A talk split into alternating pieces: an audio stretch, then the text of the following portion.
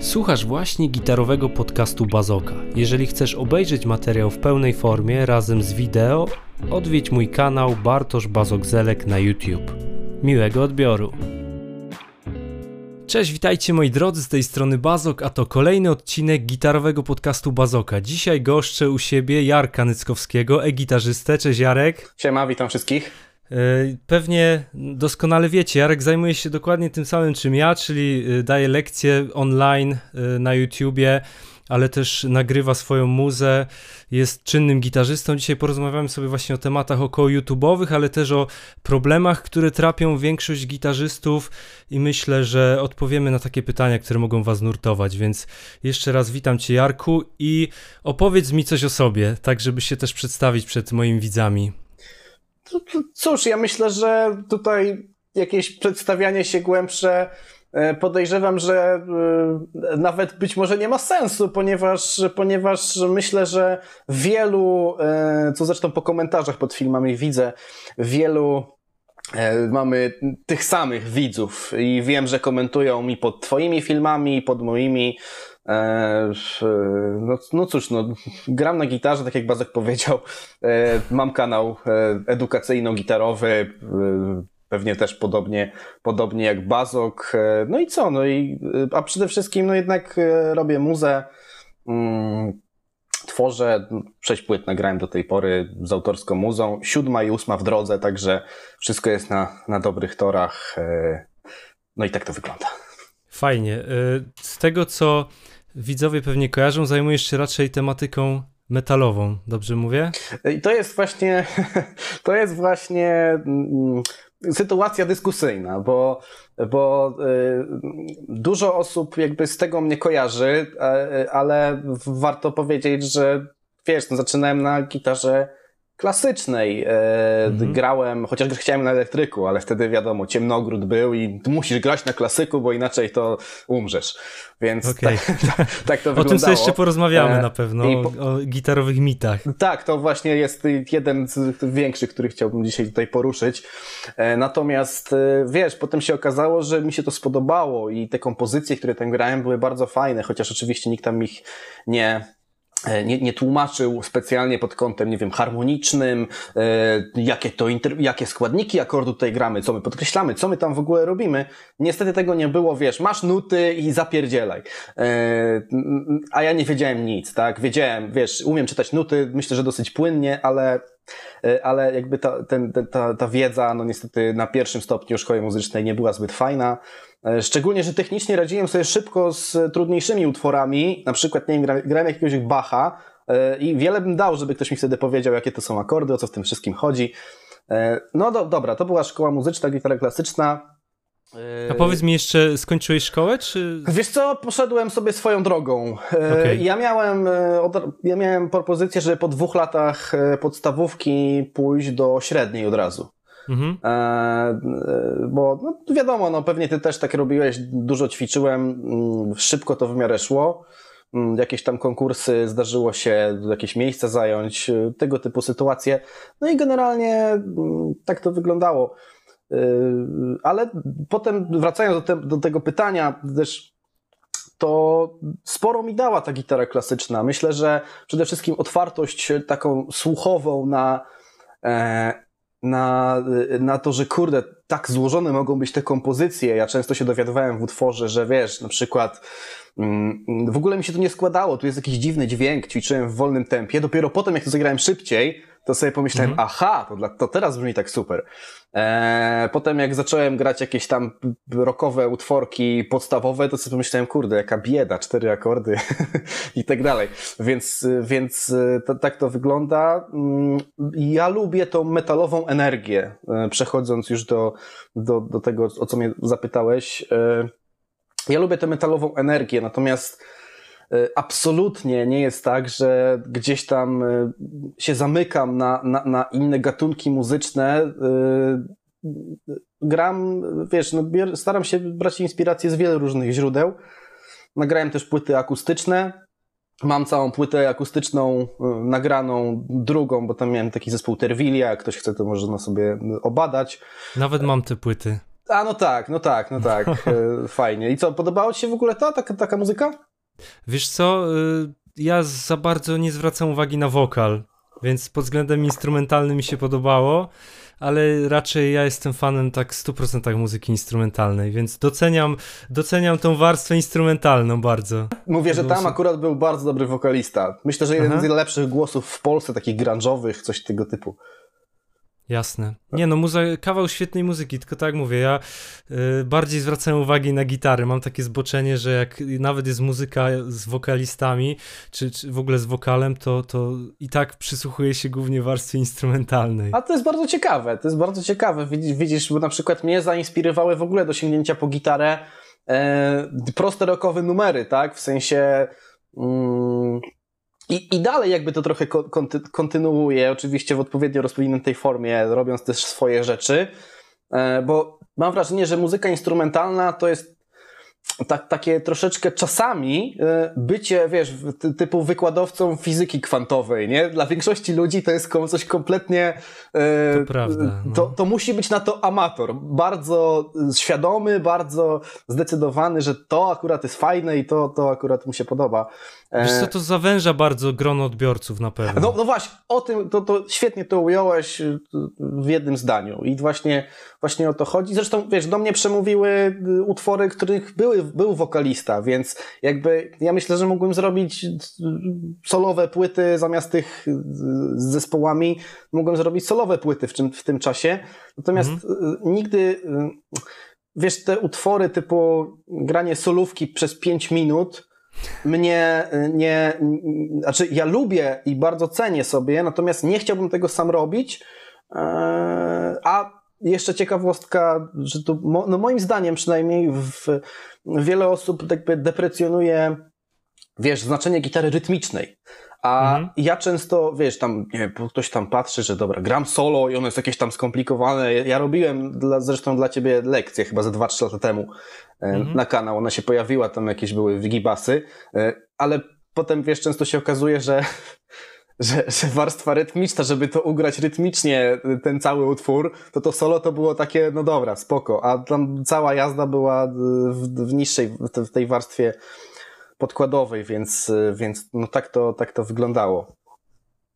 Ja myślę, że już w ogóle moda na solówki przez 5 minut dawno się skończyła i nawet w tej muzyce instrumentalnej, która teraz się przebija na salony, to jednak y, bardziej się liczy kompozycja i taka warstwa powiedzmy progresywna muzyka ogólnie zauważyłem, że jest mocno w cenie i, i też aranżacje bardzo ważne są w, y, w kawałkach typu, nie wiem, y, czekaj, jak się nazywał ten wykonawca, może mi pomożesz, Dawid Maksimici, czy jakoś da, tak? Dawid y, Maksim, coś takiego. Tak, tak, tak. Plini, oni grają, wiesz, niby solówkę przez 5 minut. Bardzo lubię Pliniego. Tak, ale, ale to są takie kompozycje, że wiesz, to nie jest improwizacja przez 5 minut, tylko tam naprawdę się dzieje i, i nawet mimo, że to jest muzyka instrumentalna, to chłoniesz to i, i nie nudzi cię dźwięk gitary, bo na przykład jak kiedyś byłem wielkim y, fanem Satrianiego, Waja i tak dalej, mhm. to teraz nie jestem w stanie już tego słuchać. Mimo, że bardzo cenię, wiadomo, tych gitarzystów i uważam, że dzięki nim w ogóle gram na gitarze, to z perspektywy czasu jakby takie y, kawałki, gdzie jest solo przez 5 minut już są nie, asłuchalne dla mnie zupełnie. No, no właśnie, właśnie to jest to, o czym mówisz. Na przykład no, Pliniego bardzo lubię, nie wiem, czy to się tak odmienia, ale mhm. jego bardzo, bardzo lubię i wiesz, są te kompozycje dosyć, dosyć złożone, dosyć ciekawe. Są miejsca na przypierdzielenie ostrzejsze, na oddechy i, i to jest fajne. Są różne klimaty. E, to też mnie inspiruje oczywiście do tego, żeby, wiesz, coś na przykład choćby na metalowej płycie zrobić niemetalowego, nie? Jak choćby, mhm. nie wiem, tam w ostatniej płycie tam Divided zrobiłem solówkę, wiesz, grałem przez, e, w, kawałku jak, e, trochę jak coś e, Mark Knopfler po wylewie, nie, wiesz, palcami i tak dalej. To, to takie tam motywy grałem, które ludzie się dziwili, kurde, palcami w metalu, nie, no, no można. Muzyka jest jedna, chyba, tak mi się wydaje. Chyba tak. No ogólnie wydaje mi się, że, że, że trzeba też eksperymentować i kombinować y, poza szablonami. Dokładnie. Zresztą to jest wielkie wyzwanie e, kombinować e, po, po, poza szablonami, bo pewnie zauważyłeś też taką prawidłowość, że takich e, innowatorów to są pojedyncze sztuki, prawda?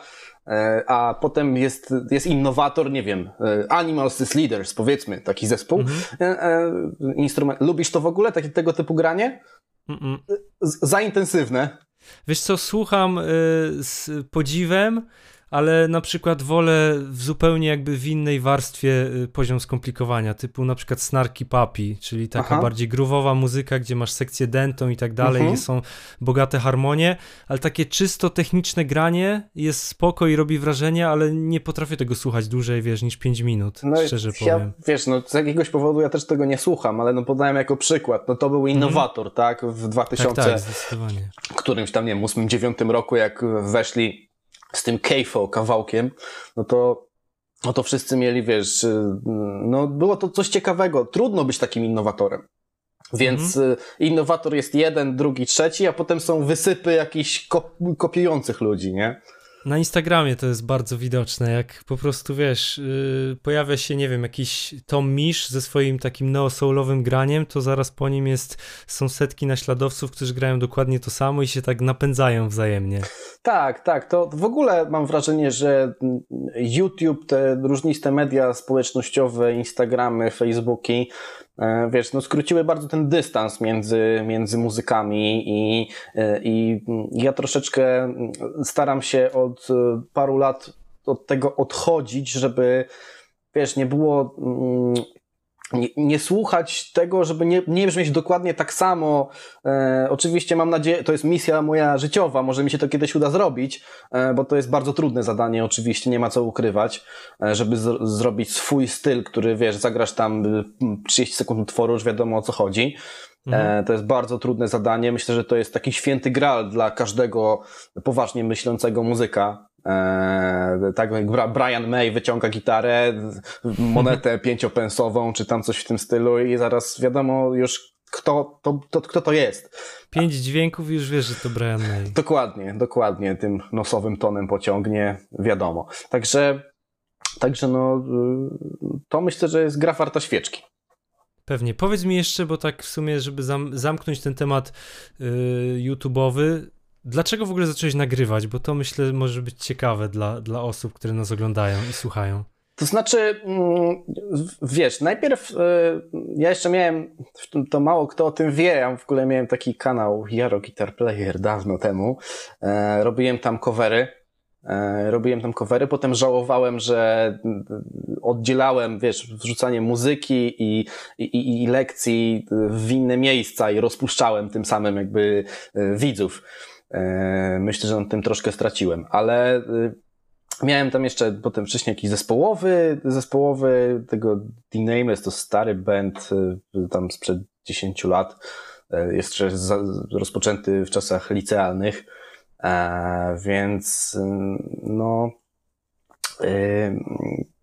generalnie była to zajawka, wiesz, na początku rzucałem jakieś tam z jakichś konkursów gitarowych, na które to mnie kolega Łukasz Krupiewski przekonał, bo ja nigdy, wiesz, jakby nie chciałem traktować muzyki jako zawodów, tak? I, i właśnie to, o czym mówiłeś, granie pięciominutowej solówki, wiesz, i masturbacja do swojej zajebistości i tak dalej. Ja wolałem być zawsze częścią, wiesz, ważną częścią, ale zespołu, tak? Że jest przez, przestrzeń dla innych, bo ja uważam, że to jest fajne, a niekoniecznie, że wiesz, podkład nagrany, cztery akordy i cztery, cztery minuty jedziesz solo.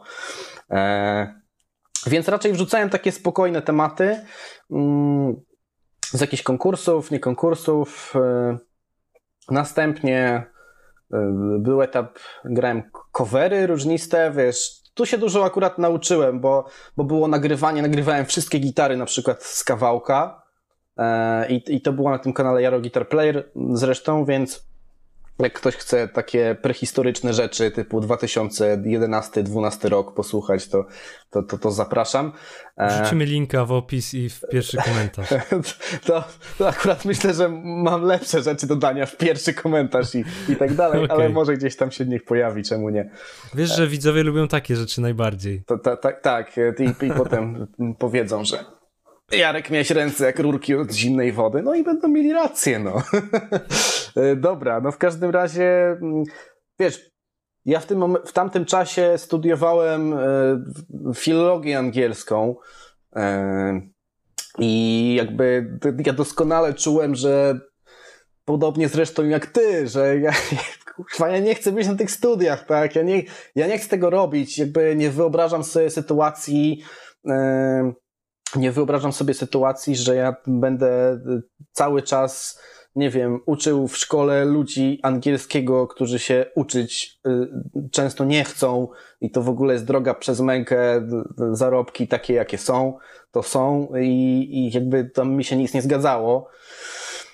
Więc wiesz, spróbowałem to przekuć w swój zawód, tak? Od razu, właściwie w momencie, kiedy był pomysł na powstanie e-gitarzysty, ja do tego już od razu na dzień dobry podchodziłem dosyć poważnie, że, e, że mam taki, taki pomysł, taki, taki plan. Mm, jak, jeżeli zbiorę jakąś tam grupę odbiorców, którzy będą zainteresowani, którzy po prostu będą lubić to, co, to, to, co robię, no to, że wystartuję z jakimś kursem internetowym, które to wtedy to były, ja chyba byłem nie wiem, pierwszym albo drugim. Yy... Właśnie miałem mówić, że się wstrzeliłeś w taką niszę, że takich ambitnych kanałów do gitary właściwie chyba nie było. Ab absolutnie nie. Wtedy, w tamtym czasie e, e, pamiętam, że to, co było dostępne, no to, no to wiesz, ktoś robił film i po prostu pokazywał, no grał, wiesz, tam się nic nie zgadzało, nierówno, krzywo, brzmienie tragiczne i tak dalej. Takie, takie to były czasy, takie to były kanały. E, e, w kwestiach oczywiście kanałów edukacyjnych, więc mhm. stwierdziłem, że po prostu e, no cóż, no to może coś zrobię tak, żeby komuś coś pokazać faktycznie, jak, jak to jest. Na przykład często nawet odsyłam do tamtych lekcji, może one są w beznadziejnej jakości w porównaniu do tego, co jest teraz, to odsyłam tych uczniów, czy, czy, czy, to, czy to jakichś kursantów, czy, czy, czy uczniów prywatnych, których zresztą mam w sumie bardzo mało celowo, do tamtych lekcji, bo mimo, że jakość jest taka, jaka jest i może ja nie prezentuję tak jak teraz, tylko trochę inaczej, to jednak, wiesz, ta, ta merytoryczna warstwa jest spoko i i tego brakowało wtedy. Faktycznie, to, to dobrze mówić, że ja, się po prostu wstrzeliłem e, w, w, pewną taką e, sytuację, gdzie jeszcze nic nie było, tak, tak naprawdę, w Polsce, bo na świecie jak najbardziej. No, pewnie. Y powiedz mi jeszcze a propos tego, no jak oceniasz w ogóle z perspektywy czasu? Warto było w to uderzyć? Znaczy, od razu tutaj powiem, bo to zależy, kto ma jakie priorytety. Mhm. E, ja chciałem się zajmować gitarą, e, natomiast jeśli ktoś chce zostać na przykład, nie wiem, Rockefellerem, to niech robi coś innego. Bo o, o ile, wiesz, no są takie tam ambicje, żeby, ktoś ma ambicje, żeby, nie wiem, zarabiać tyle i tyle i byłoby tak i tak, e, ale po prostu, no jest ten sufit, dosyć szybko można go osiągnąć. Czy to prowadząc lekcje, czy, czy robiąc, robiąc po prostu E, jakieś kursy, e, jest na to ograniczona liczba osób, wiesz, w Polsce, wiadomo. E, bo, bo tak ludzie, ludzie często do tego w ten sposób podchodzą. Ja chciałem to połączyć, żeby z jednej strony robić to, co naprawdę lubię i naprawdę mnie jara. Potem się to okazało, że to jest w ogóle fajny sposób na to, żeby promować swoją muzykę, tak? Bo ludzie mhm. przyszli do mnie, bo się chcieli nauczyć na gitarze grać a potem na przykład mogłem zaprezentować swoją muzę, więc to tak się fajnie spięło. Jak to oceniam z perspektywy czasu? Drugi raz zrobił, zrobiłbym dokładnie to samo. Tak, okay. tak mi się wydaje. Wiesz co, pytam, bo to jest zawsze ciekawa jakaś historia, nie? Przemyślenie. Ja na przykład zacząłem kanał od robienia testów sprzętu i tak sobie pomyślałem, że będę się tylko tym zajmował, a potem nagle się okazało, że właśnie ludzie chcą wiedzy, a dla mnie to też jest jakby okazja i taki powiedzmy motor napędowy, żeby się rozwinąć też samemu, nie? Więc jeżeli coś tylko nowego poznawałem, do, dołapałem się jakiejś fajnej książki, no to robiłem na ten temat materiał i to też jest fajny sposób na zweryfikowanie swojej wiedzy i y, na ułożenie jej przede wszystkim, nie? Bo jeżeli musisz coś komuś wytłumaczyć, to musisz naprawdę dobrze to rozumieć, żeby nie pomieszać wszystkiego, wiesz, w pierwszych trzech zdaniach. Pełna zgoda. Jakby mamy, myślę, że bardzo podobne doświadczenia w tej kwestii. E, e, zwłaszcza gdzieś tam jakieś zagadnienia teoretyczne, bo ja technikę, szczerze mówiąc, to ja tłumaczyłem praktycznie w wielu kwestiach identycznie jak tłumaczę teraz, bo, bo jest to w jakiś tam skuteczny w miarę sposób i tak dalej. E, bez wymyślania koła na nowo, e, tylko sprawdzone metody, które po prostu działają, sprawdziły się u naprawdę wielu, wielu osób. Tak, także, ale na przykład rzeczy teoretyczne bardzo mi pomogło tłumaczenie te, te, tych rzeczy komuś. Mhm. Z, to samo, co ty powiedziałeś właśnie. To jest świetna, świetna szkoła i, i ja myślę, że dzięki temu, że ten, ten kanał e, e, tutaj powstał e, mój, to podejrzewam, że podejrzewam, że to jest naprawdę a, dobra, najwyżej cięcie zrobisz, czekaj. Spoko. Nie, nie pod, pod, podejrzewam, że to jest naprawdę fajna sytuacja i był kopniak do rozwoju, szczególnie jeśli ktoś na przykład naprawdę wiedział o co chodzi, pisał komentarz, a wiesz, ja też nie, nie uważałem, że jestem nieomylny, jestem alfą i omegą. Ka zawsze ktoś lepszy się znajdzie w jakiejś dziedzinie, to jest standardowa Oczywiście. sytuacja. Więc i takie rzeczy, mm, jak ktoś pisał merytoryczny komentarz, ale tutaj, wiesz co, może powinieneś to zrobić tak i tak. Potem pomyślałem sobie, kurde, może człowiek ma rację. Zacząłem zgłębiać jeszcze bardziej temat, no i dzięki temu, wiesz, jakby zrozumienie pewnych rzeczy e, było, było znacznie, znacznie e, większe. A ty w ogóle jak, jak, jak testy sprzętu, co cię zmotywowało do tego, żeby zrobić te filmy? Wiesz co, no tak, y, o same testy sprzętu, jeżeli pytasz, to zacząłem oglądać zagraniczne kanały, które się tym zajmują. Jakiś Pro Guitar Shop i zawsze w sumie taki podaję przykład. I stwierdziłem, że kurczę, w Polsce y, jest tego troszkę, ale nikt nie robił tego na takim poziomie, wiesz, jak właśnie zagraniczne kanały typu krótki odcinek Ksanty, wiadomo, był gawędziarz i dalej jest, ale mi zupełnie chodziło y, o coś innego, żeby to był krótki filmik, fajnie zmontowany. Wiadomo, na początku w ogóle nie miałem żadnego zaplecza do tego, mhm. ale też też jakby trzeba było od czegoś zacząć. Paradoksalnie, zanim zacząłem robić YouTube'a, to chyba pół albo rok y, grałem na żywo y, na platformach streamingowych. Okej, okay, okej, okay. czyli taki ekwiwalent tego mojego okresu robienia coverów. Przed, no, ja siedziałem, wiesz, jest taka platforma Twitch TV, która się zajmuje głównie gamingiem i tam są streamerzy, którzy grają w jakieś gry sportowe i tak dalej. Ja tam znalazłem sobie taką niszę, była kategoria music dla takich internetowych y, radiów, jak się to odmienia? internetowych? Hmm. Dla Radiów. rozgłośni internetowych. Na, na pewno to jest poprawnie.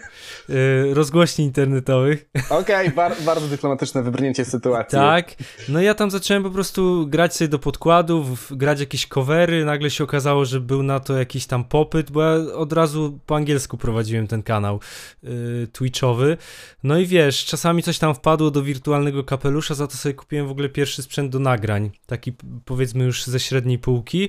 I stwierdziłem, że skoro już mam mikrofon, mam interfejs, to czemu by nie spróbować właśnie tego wymarzonego kanału na YouTube, jakoś to potoczyło samo z siebie. Mhm. Ja pamiętam te twoje początki. Jakieś tam pierwsze filmy pamiętam, że miałeś o technice. No to no powiem ci, że no zrobiłeś mega, mega postęp, wiesz, przede, przede wszystkim w prezentacji, bo ja, że na gitarze grasz, to no, było widać, że umiesz grać na gitarze. Natomiast, natomiast taki byłeś smutny i sztywny i tak mówiłeś. No. Nie, teraz jest, teraz jest zupełnie, wiesz, co innego, jest, jest profeska, jest super. Wydaje mi się, że, że każdy z nas ma taki etap na początku, Klasyka. że trochę się wstydzi wszystkiego. No, ja powiem ci, że jak nagrywałem w 2013 roku pierwszy odcinek, gdzie nie miałem grać na gitarze, tylko coś powiedzieć, no to intro 50-sekundowe nagrywałem chyba z dwie godziny. nie, no, bo to, to tak, tak może być. Siedzisz, wiesz, patrzysz się w ogóle kadr, kadr tragiczny. No, tak, tak A teraz rutyna, nie? Po prostu się odpala mówienie do ludzi na YouTubie i już jakby się myśli same kleją. To jest chyba najciekawsze, że człowiek się potrafi po prostu nauczyć robić filmy na YouTubie i mówić też do ludzi w taki sposób bardziej bezpośredni. Dokładnie, to też myślę, że bardzo otwiera. Ja akurat zawsze byłem raczej ekstrawertykiem niż introwertykiem, ale jeżeli ktoś jest introwertykiem, robi filmy, to często, wiesz, otwiera się też na takie sytuacje, żeby tam do kogoś zagadać, czy coś w tym stylu. To jest fajne. To ja na przykład. Ty jesteś introwertykiem. W stu procentach, no. Okej, okay, okej. Okay. Po, po, po teraźniejszych filmach tego nie widać absolutnie, żeby tak Wiesz było. co, też zauważyłem po opiniach ludzi, ale no dalej jakby w życiu jestem introwertykiem, Jasne. tylko wydaje mi się, że trochę też zakładam taką maskę, bo nauczyłem się, wiesz, mówić do kamery i się już nie wstydzę tego tak jak na samym początku, no jasne, ale, jasne. ale tak jak y, jestem gdzieś w towarzystwie, to zawsze raczej na uboczu Aha. rozumiem, rozumiem. E, to teraz e... może ja ci zadam dla odmiany no pytanie. No dawaj, pewnie. E... Bo to jest myślę, że rzecz, o której nigdy nikt nie powiedział, przynajmniej na polskim gitarowym YouTubie. E, okej, okay, masz, masz pracę, y, którą wykonujesz y, w dużej części na chacie. Ja robię to samo. E, jak sobie z tym radzisz organizacyjnie? Bo no jakby jak ktoś tak kiedyś robił, to myślę, że będzie wiedział doskonale, że jest to spore wyzwanie, e, że mm, po prostu, no nie wiem, może są domownicy, może ich nie ma, są jakieś rzeczy inne do robienia, ktoś ci, wiesz, wierci w ścianie, a ktoś spuszcza wodę i masz rury z tyłu na przykład. Jak to, mhm. jak to u Ciebie wygląda? Albo na przykład masz jakieś godziny pracy, które na sztywno masz ustalone i choćby się waliło i paliło, y, kończysz, y, bo ja na przykład nie mogę tego zrobić. Jakby nie jestem w stanie prowadząc swoją jakby działalność. Czasami mogę nic nie robić, a czasami robię tyle, że no wiesz, jak tu to wygląda. Więc temat jest ogólnie dość skomplikowany. Jeżeli mhm. chodzi o to pytanie związane z czasem pracy, to jest bardzo nienormowany i wydaje mi się w ogóle, że tak to w życiu jest. Jak praca, znaczy jak pasja staje się twoją pracą, to nie jesteś w stanie w ogóle nad tym zapanować, ile czasu spędzasz. Typu Dokładnie. nawet samo ćwiczenie na gitarze, nie? To nie jest tak, że masz w grafiku godzina dziennie, tylko możesz siedzieć na gitarze 8 godzin, możesz siedzieć 5, wszystko zależy też od, od tego, jak po prostu y, to działa. No i tak samo jest z kanałem na YouTubie, że czasami łapię się na tym, że pracowałem, nie wiem, 12-14 godzin dziennie i są dni takie, że nie mam siły na nic i powiedzmy w łóżku przeleżę ze dwie godziny, zanim wstanę. Potem poglądam sobie jakichś innych YouTuberów, niekoniecznie gitarowych no i ten dzień nie jest taki efektywny, ale jak na przykład jest wena właśnie, tak jak mówiłeś o tych kursach, ja w ogóle jestem bardzo chaotycznym człowiekiem, jeżeli o to chodzi, to potrafię, wiesz, siedzieć od samego rana gdzieś tam do drugiej, trzeciej w nocy nad jednym tylko tematem, bo wtedy to jest taki flow, nie, że się chce robić. A jeżeli chodzi o takie rzeczy związane, a jeżeli chodzi o takie rzeczy związane właśnie z domownikami, to raczej nigdy nie miałem z tym problemu. W sensie wszyscy, którzy ze mną mieszkali, to na studiach i, i teraz żona jakby od razu pogodziła się z tym, że i oni też się pogodzili, że jestem gitarzystą. Przy czym y, trochę wybiegam poza taki stereotyp gitarzysty, który musi grać głośno i wiesz, musi robić hałas. Ja raczej jestem typem gościa, który woli sobie włączyć słuchawki i porobić coś po cichu, niż specjalnie, wiesz, rozkręcać na przykład wzmacniacz lampowy w pokoju, gdzie masz 3 na 4 na przykład metry mhm, wymiaru miary. No, to rozumiem. Ja akurat y, po prostu nie jestem w stanie zaakceptować brzmienia, które ze słuchawek jest podawane mi. Y, ja odpalam lampowy wzmacniacz właśnie najczęściej. Natomiast wiesz, tam na półtora, na dwójeczkę. Mhm. Także, także jest. No ale to co, to nie grasz z uchem? Bo przecież do tego też trzeba się chyba przyzwyczaić, żeby posłuchać jak ta gitara brzmi z przodu, a nie tylko, wiesz, w domu, bo jest inny feeling w ogóle w graniu. Stary, ja grałem chyba na wszystkich możliwych konfiguracjach. Robiliśmy próby w studiu nagraniowym. Mhm. Na bogato było kiedyś, e, kiedyś tam z takim zespołem, do którego e, dołączyłem na, na rok. E, i perkusista siedział e, za szybką z wokalistą, a my żeśmy na monitorach studyjnych, e, wiesz, z mikrofonów sygnał zebrany Jasne. i tam i mieliśmy zmiksowany, wiesz, cały, cały sygnał. Gram też na interfejsie często, często tutaj w komputerze, natomiast zauważyłem, że najbardziej dla mnie takie odczuwalne tutaj fajnie jest jak jest jednak kolumienka, e, wzmacniacz, e, mam to swoje brzmienie ustawione mhm. E, i, i po prostu, i po prostu zauważyłem, że chce mi się grać, że wszystko słyszę, różne, różne alikwoty, gdzieś tam jak próbuję wydobyć dźwięk, mogę pobawić się z większą ilością rzeczy. Nakręca mnie to, żeby więcej grać, albo żeby coś napisać, więc no chociaż oczywiście na interfejsie, zależ, w zależności od tego, jaki, jaka jest potrzeba, to używam różnych konfiguracji. Jasne. Wiesz co, bo ja właśnie też z tego powodu przeszedłem cały ten, całą tą ścieżkę technologii cyfrowej, przerobiłem właściwie chyba każde możliwe te procesory z wyższej półki i ostatecznie skończyłem z lampą i z jednym kanałem czystym. Ja ogólnie gram lekko, jeżeli chodzi, wiesz, o, o stylistykę muzyczną, więc, więc taki bardziej fenderowy clean i powiem ci, że teraz mam najwięcej radości z grania. Kiedy sobie włączę, wiesz, jakiś pogłos wbudowany w piec, lekko to przesteruję jakąś kostką, trochę brzmi, wiesz, jak 50-letni jakiś tam bluesman, ale serio do, do takiego grania funkowego, jakiegoś soulowego, to nic więcej tak naprawdę nie potrzeba. No, no, no jasne. I powiem ci, że no ja akurat miesza ten taki sprzęt y, sceniczny mam dość y, taki wymieszany, y, lampowy wzmacniacz, chociaż nie używam żadnego przesteru do niego, przester jest ze wzmacniacza, jakbym się uparł, to nie wystarczyła, wiesz, e, gitara, kabel, wzmacniacz i delay na solówkę mhm. i tyle. E, natomiast mam TC Electronic, G Major tam dwójeczkę. Od lat, chyba tam z 6-7 lat już tego używam. Wcześniej miałem jedynkę. Dwójeczka bardzo, bardzo fajnie, bardzo fajnie pozwala ukręcić jakieś efekty, chociaż ja nigdy nie byłem takim, wiesz, zboczeńcem na temat e, tych, tych, tych, e, tego kręcenia. Tak? Ja nie jestem e, jak mój kolega Marek Raduli. Tak? Mhm. Marek Raduli lubi sobie tam podziubać. Ja zdecydowanie wolę ten czas przeznaczyć na wymyślenie nowej kompozycji, sprawdzenie jakiejś ciekawej zależności między akordami, czy coś w tym stylu. Zawsze mnie to bardziej interesowało. Chociaż no cóż, no, mm, to, to w zależności od potrzeb. Ja bardzo nie lubię, nie lubię tego robić, że wiesz, kręcić, y, podłączać. Nie sprawia mi to jakiejś radości. Ksantyp pewnie by mnie nie lubił za to, no ale... Ksantyp to jest nasz y, no, polski profesor gałkologii. Ja tam jestem tylko jakimś studentem, a on już zęby zjadł na takiej ilości sprzętu, że to głowa mała w ogóle. Tak, jak pamiętam, spałem u niego tam w fogowni londyńskiej na podłodze, wiesz, budzisz się, a tam masz 50 gitar wokół siebie, jakieś wzmacniacze, yy, syf na podłodze, no tak to, typa fajnie było. Pozdrawiamy oczywiście. Klimacik na pewno był spoko. Ja Ale teraz w Łodzi super ma zrobioną tą, yy, tą fogownię, to już wiesz, trochę, trochę inny level, tak? Mhm.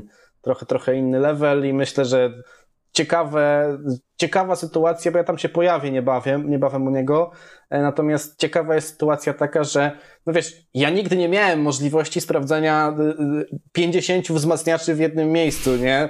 Nigdy mnie to też nie, nie fascynowało, ale jak już ktoś już to zrobił, to to kurde się wydaje, że to jest całkiem ciekawy temat do, do ogarnięcia. Będziemy testować chyba moje gitary, tak okay. mi się wydaje. Wiesz, ja bym się bał na przykład jak miał 50 gitar, że bym tak spojrzał na tą ścianę i nie wiedział na której grać i bym godzinę zamiast grać, to bym się zastanawiał, którą dzisiaj siąść do ręki. A ty, a powiedz mi, ma, masz kilka jednak instrumentów. Dwa. E, dwa, okej, okay, ale zielony myślę, że jest twoim takim numerem jeden. Właściwie teraz nie. Okej. Okay. Zielony jest taki, to jest wielozadaniowa gitara, bo i na tym tak. zagrasz rockerkę taką ostrą i zagrasz na tym nawet jakieś funkowe rzeczy, aczkolwiek y, dla szlachetności brzmienia, takiego właśnie czystego, to wybieram zawsze brązową, czyli tego PRS-a 305, bo tam masz trzy single i ona naprawdę y, się śmieje zawsze, że to jest marzenie takiego, wiesz, y, murzyna grającego gospel. Czyli masz takie tłuściutkie, ciekawe, okrągłe brzmienie klina, zawsze o czymś takim marzyłem. Jeszcze na pewno będę szukał jakiejś gitary z takim twangiem, typu wiesz, mhm. jakiś Jazzmaster albo Tele Telecaster. Telecaster, no. No, ale, ale na razie te dwie całkowicie mi wystarczają i ćwiczę tak po połowie, bo one mają inną menzurę, trochę inny profil gryfu, więc też, żeby nie mhm. odzwyczaić się od mhm. jednej, to tak mam powiedzmy fazę, że dzisiaj wezmę sobie zieloną, jutro sobie wezmę brązową i tak staram się mieszać między tymi gitarami. Akustyczne coś masz fajnego? Wiesz co, mam jednego PRS-a, Angelusa, ale to jest taki bardziej pożyczony, niż mhm. żebym grał dużo na tym, bo rzadko mi się zdarza w jakichś akustycznych projektach uczestniczyć. Raczej wszystko na elektryku opierdzielam. Mhm. Mhm, mhm. No to, to, to ciekawe, bo powiem ci, że ja w ogóle nie wyobrażam sobie tej idei. Jestem dosyć pragmatycznym gościem, że wiesz, nie wyobrażam sobie idei, że jest 50 gitar i one nie są używane, bo, bo to tak, to też komuś się może wydawać czasami, nie wiem, że jest dzieciakiem i chce mieć, nie wiem, 10 samochodów na przykład w garażu. Mhm. Ja miałem i miewam kilka samochodów. Jestem przekonany, że nie da się ogarnąć osobiście samemu e, więcej niż dwa, może trzy, żeby utrzymać w dobrym stanie i tak dalej. Tak samo z gitarami. Aż szkoda, żeby gitary po prostu leżały gdzieś e, i nie były używane, no bo po to zostały zrobione, żeby rezonowały, żeby nagrywały coś, Jasne. albo e, po prostu, żeby na nich ćwiczyć. Więc ja ci powiem, że na przykład od dłuższego czasu jest to w moim przypadku teraz ta jasna fałka. Mhm. To jest y, to jest sprzęt y, wiesz, ona wygląda Masz no to siódemki, jest trochę, Masz dwie siódemki. Dwie siódemki, miałem sześciostrunowe gitary różniste, natomiast y, natomiast jakby uważam, że o, sorry. Dobra, stoi. E, uwa- wiesz, nic nie tracę nic nie tracę w rejestrze, a zyskuję jednak bardzo wiele, szczególnie, że no, zajmuję się również tematami e, cięższymi, chociaż nawet na, jakbym robił teraz sobie akustyka na przykład jakiegoś lutniczego, to bym wziął siedmiostrunowy. Okej, okay, fajnie. Bo chcę mieć ten rejestr, wiesz, bardziej bogaty. Natomiast gram tylko na tej gitarze od, nie wiem, od roku, w ogóle ta ciemniejsza ta ciemna się kurzy, yy, wisi yy, i to jest instrument, który jakby tamten ciemny powinien być tak samo zrobiony jak, jak ten jasny, bo yy, ja od razu mówiłem, że chcę olchę mhm. na, na, na korpusie, tam jest klonowy top jeszcze na jednym i drugim egzemplarzu, natomiast na tej ciemnej jest jesion, E... Czyli jest ciężka, tak? Czy to jest ten gatunek lżejszego jesionu? Bo wiem, że są dwa z tego co Jest kojarzę. ciut cięższa niż, niż ta jasna, natomiast bardziej mi chodzi, nie, bo, nie boli mnie noszenie tego albo stanie z tym na scenie. Są, obie są ok pod tym względem. Mhm. Natomiast powiem ci szczerze, że E, dopiero ten drugi lutniczy instrument to jest sytuacja, gdzie to jest to brzmienie. Właśnie dałem się namówić za pierwszym razem na, na jesion. E, no i okazało się, że potem po czasie, jak zrobiłem drugą już e, z olchowym korpusem, że że to jest to, nie wiem, jakiś zestaw może tych y, drewienek się ze sobą połączył, bo pick-upy są te same, mhm. ale zachęcam ciebie i wszystkich widzów, to akurat jest film po angielsku, ale robiłem, pojechałem do studia, wiesz, 100% profesjonalne studio i, i sprawdzałem, nie, na różnych, na różnych... Y, Aha, te dwie gitary ze sobą zestawiłeś, tak? Tak, i powiem ci, że jak ktoś mówi, że to pick-upy grają, a gitara to jest 3,5% na przykład, to mhm. no, no powiem ci, że no, no nie. Okay.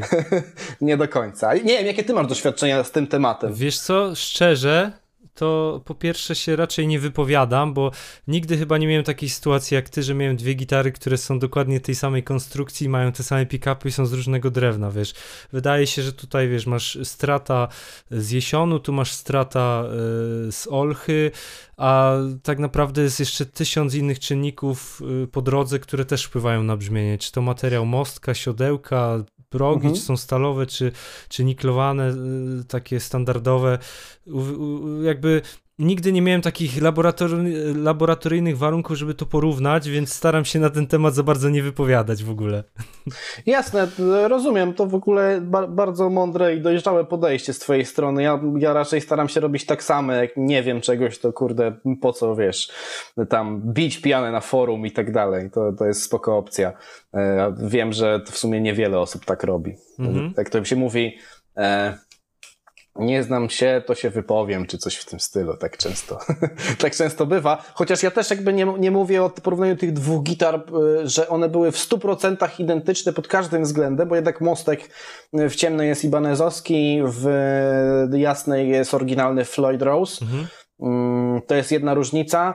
No i yy, Ze stali nierdzewnej progi ma jasna gitara, a drugi instrument ma standardowe jakieś tam Dunlopa progi, więc więc to są, ale to są tylko dwa te czynniki, reszta, każdy element E, każdy, wiesz, jakiś fornir, nie fornir, wszystko jest jakby to samo. Jasne. Także myślę, że dosyć, dosyć spokojne takie porównanie może być. Ja z tymi jesionowymi gitarami to mam taką śmieszną historię, bo zanim grałem na PRS-ach, to miałem dwa Ibanez. Dalej mam, ale się kurzą niestety w domu rodzinnym, bo stwierdziłem, że nie potrzebuję mieć na miejscu tutaj nie wiadomo ile gitar. Tym bardziej, że jak widzicie z tyłu zawsze są jakieś kartony do przetestowania, no. więc wolałem sobie nie dokładać jeszcze tutaj asortymentu. Ale y, właśnie a propos ciężaru gitary, to bardzo mi się podobały jesionowe gitary, dopóki nie miałem okazji zagrać na niej y, tak zwanego koncertu z obiadami przez całą noc. a, I okay, potem wiesz, okay. ręka, bark odpada, bo gitara tam waży ze 3-4 kilo chyba. Już nie, nie wiem dokładnie ile, bo chyba tak normalnie gitara około trójki waży, nie? Taka standardowa elektryczna. No, powiem ci, że nie wiem, czy jest jakiś tam e, zunifikowany standard, bo bo nawet weźmiesz sobie y, starsze Gibsony i czasami to waży tyle, co nie wiem, worek cementu. No właśnie, to był, to, to był taki Ibanez, który właśnie ważył jak worek cementu, mimo że nie wyglądał, no bo budowę miał jak Stratocaster, ale to drewno było po prostu tak gęste, tak ciężkie, że fajnie się grało przez godzinę, ale jak trzeba było mieć na gitarę na ramieniu tam przez 8 godzin, wiadomo z przerwami, to potem dramat, więc dlatego z ciekawości spytałem, czy... Ja, znaczy wiesz co, ciemna waży 4,1 kg, a jasna chyba 3,4, okay. ale nie jestem pewien, w tym filmie porównawczym e, to na pewno będzie, na pewno, na pewno te dane są gdzieś tam e, podane. Mhm. I, do, I to podłączasz do czego? Jak już jesteśmy przy temacie sprzętu, to myślę, że możemy go wyczerpać, żeby mieć jeden jakby taki rozdział też naszej rozmowy. E, wiesz co, ja nie wiem, czy nie wiem, czy do końca jest sens to robić. Mhm. Przynajmniej jeśli chodzi o taki sprzęt e, ten do rokowego i generalnie przesterowanego grania, mm, mniej lub bardziej. E, to ja taki film kiedyś zrobiłem, to ze 3-4 lata temu i ciekawostką jest to, że poza tą gitarą dodatkową, która doszła, nie zmieniło się absolutnie nic. Okay. E, kable, przepraszam, no gram na, e, na Fat Cables, jestem, nie wiem, czy to tak się można mówić, endorserem tych, tych kabelków, ale fajnie, bo, bo, bo człowiek robi Mm, bardzo fajne, bardzo fajne kable. Ja myślę, że tutaj oczywiście to jest totalnie non-profit, ale fajne, fajne kable, mm, e, fajnie wykonane. E, no i polska manufaktura, tak? E, ja jestem zdania, że jak można wspierać nasz rodzimy rynek i ktoś wykonuje dobrze swoją pracę, to dlaczego by tego nie robić? Także mogę polecić wszystkim bardzo wytrzymałe kable. Deptałem na scenie niejednokrotnie i działają jeszcze. Wiesz co, ja akurat z Kubą już jestem umówiony na podcast, więc na pewno sobie o jego kablach jeszcze porozmawiamy. O, to pozdrawiam, pozdrawiam oczywiście, bo to w sumie przez, e, my, my tam się żeśmy złapali przez, e, e, bo to jest dobry kolega Szymona Grodzkiego z tego Invent Sound Studio z mhm. Bydgoszczy, gdzie ja robiłem, nagrałem tam dwie płyty i my się z Szymonem myślę, że w bardzo fajnych układach jesteśmy E, I, gdzieś tam on przez tego Szymona się odezwał do mnie, więc, więc tak wygląda. Ale jeśli byś chciał robić te, brać te kable, to mogę ci z czystym sumieniem polecić. Spoko, jasne. Ja na szczęście jestem sponsorowany przez PRS-a, więc mam całe kablowanie też z tej... Jasne, wiem, wiem, wiem. Pozdrawiam oczywiście PRS-a również. Yy, dobra, więc co, zamykamy temat sprzętu? E, myślę, że tak ja mogę, możemy dać link do tego filmu, Dobra. po co o tym dwa razy, dwa razy gadać. Generalnie, krótko mówiąc, gitara, e, wzmacniacz PV 6505 plus 112 combo, którego, o, to jedna rzecz, której, o której nie powiedziałem w tamtym filmie, bo jeszcze tego nie było. Uciąłem po prostu piłą jej kolumnę, e, e, użyłem tych samych elementów i zrobiłem e, po prostu sobie combo, e, z, robiłem sobie heada z combo. E, dlatego, że PV nie oferuje niestety, e, a przynajmniej w tamtym czasie nie oferował, wzmacniacza lampowego, ten 6505 Plus, który nie miałby 120 watów, a ja nie chcę mieć 120 watów, bo nigdy w życiu z tego nie skorzystam. Po co mi taka moc? Nigdy tego nie rozkręcę, bo tynk będzie się sypał ze ścian i szyby wylecą. Także to jest, to jest absolutnie bez sensu. Na scenie 60W lampa y, chodzi na 5,5 mniej więcej. To jest y, ustawienie wyjściowe, więc nie ma co taką, takiej mocy robić. Przy okazji to jakieś grosze za to wyszły, więc to w ogóle ciekawa sytuacja. Y, booster na solówkę. Bramka szumów czasami używam, ale staram się tak to pod, podpinać, że raczej, raczej nie. Chyba, żeby jestem blisko gdzieś wzmacniacza, to ją włączę, bo mi piszczy, jak jest większy przester. Kaczka e, Dimebag Daryl e, Crybaby from Hell, to taki model. Chyba z 13 lat już mam tą kaczkę. E, I gdzieś od 8 jej w ogóle nie użyłem ani razu, ale to już, to już jest inna sprawa. Kontroler MIDI to jest też fajna rzecz i stroik.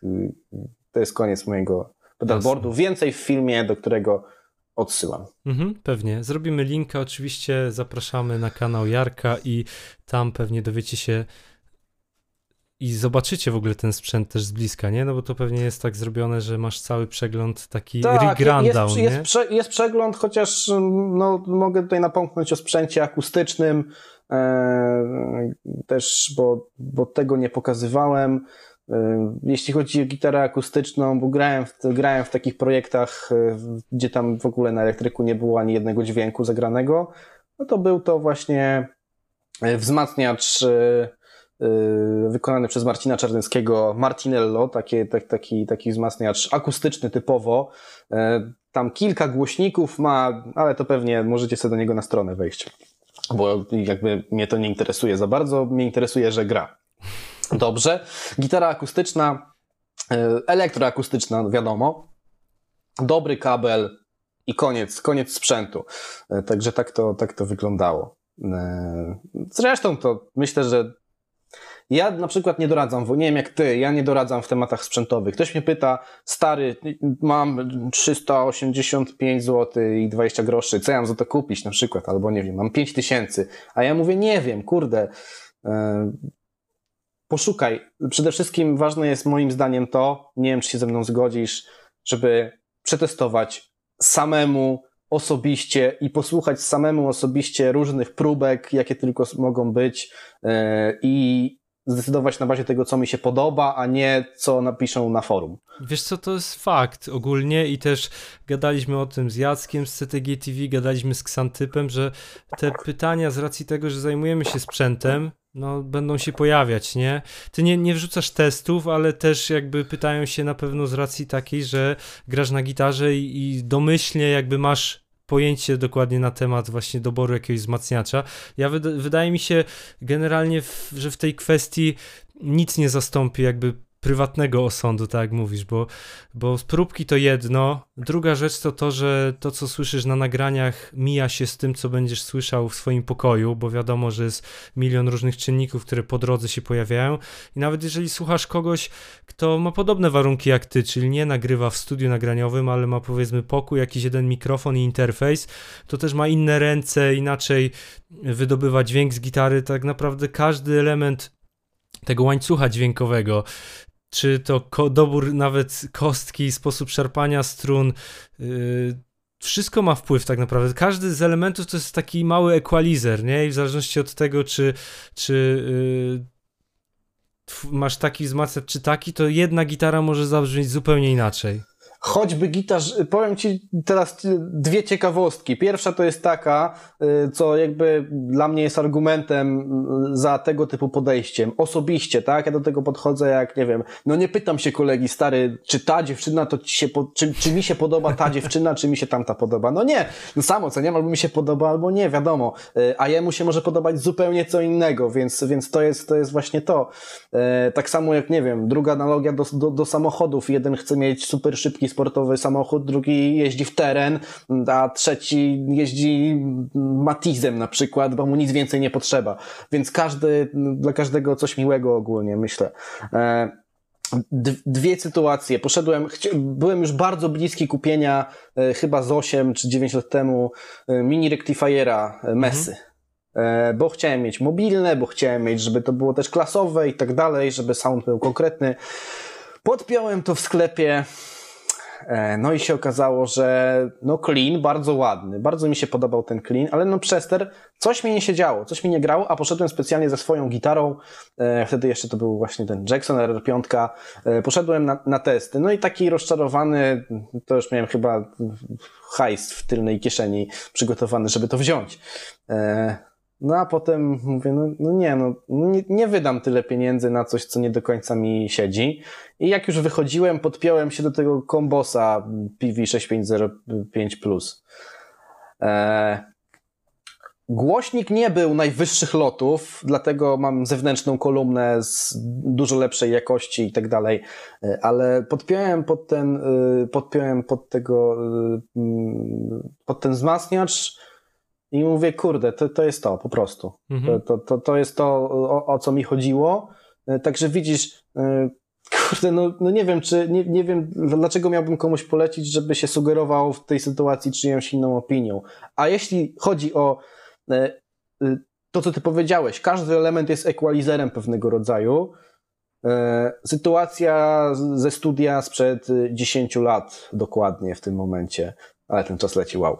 E, siedzimy sobie i e, nagrywaliśmy z drugim gitarzystą te same partie. Myślę, że obaj byliśmy bardzo fajnie do tego przygotowani, e, przynajmniej do, do, tego konkretnego riffu, o którym mówię, bo tam różnie bywało w tym studio czasami mhm. w tamtym czasie. Natomiast graliśmy sobie ten sam riff na tej samej gitarze, wszystko to samo, każdy element był ten sam.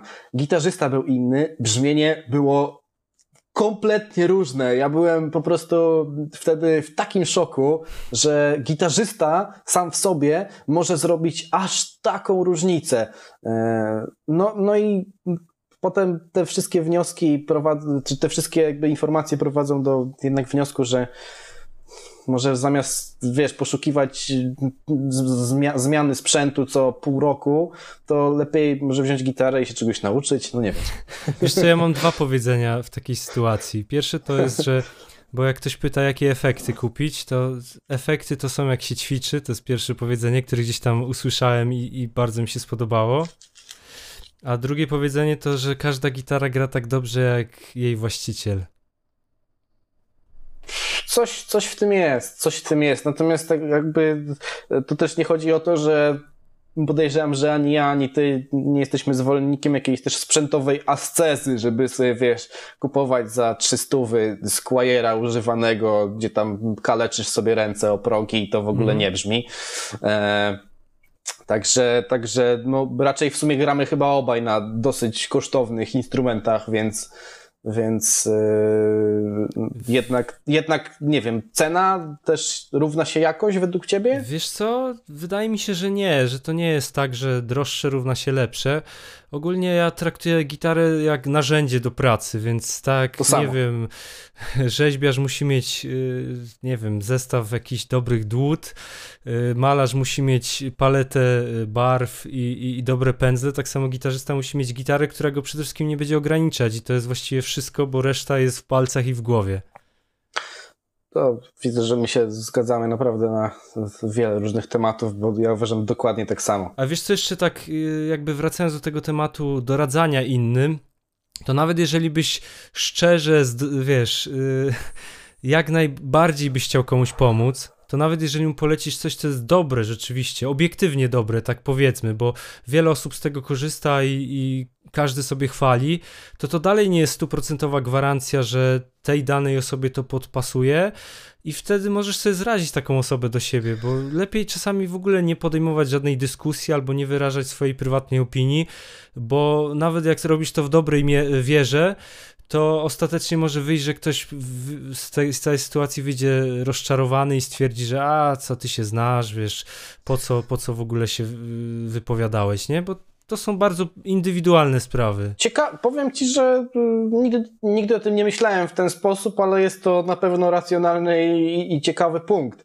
w tym przypadku, bo faktycznie mówimy o gustach, tak? Każdy ma swój. Ja zawsze, ja mam jeden, jeden niezawodny sposób, e, jak ktoś mi pisze, dobra, co ja mam kupić do 900 złotych? No to ja od razu mówię, dobra, do Ksantypa. La, leć. Nie, Ksantyp się specjalizuje w gitarze do 800.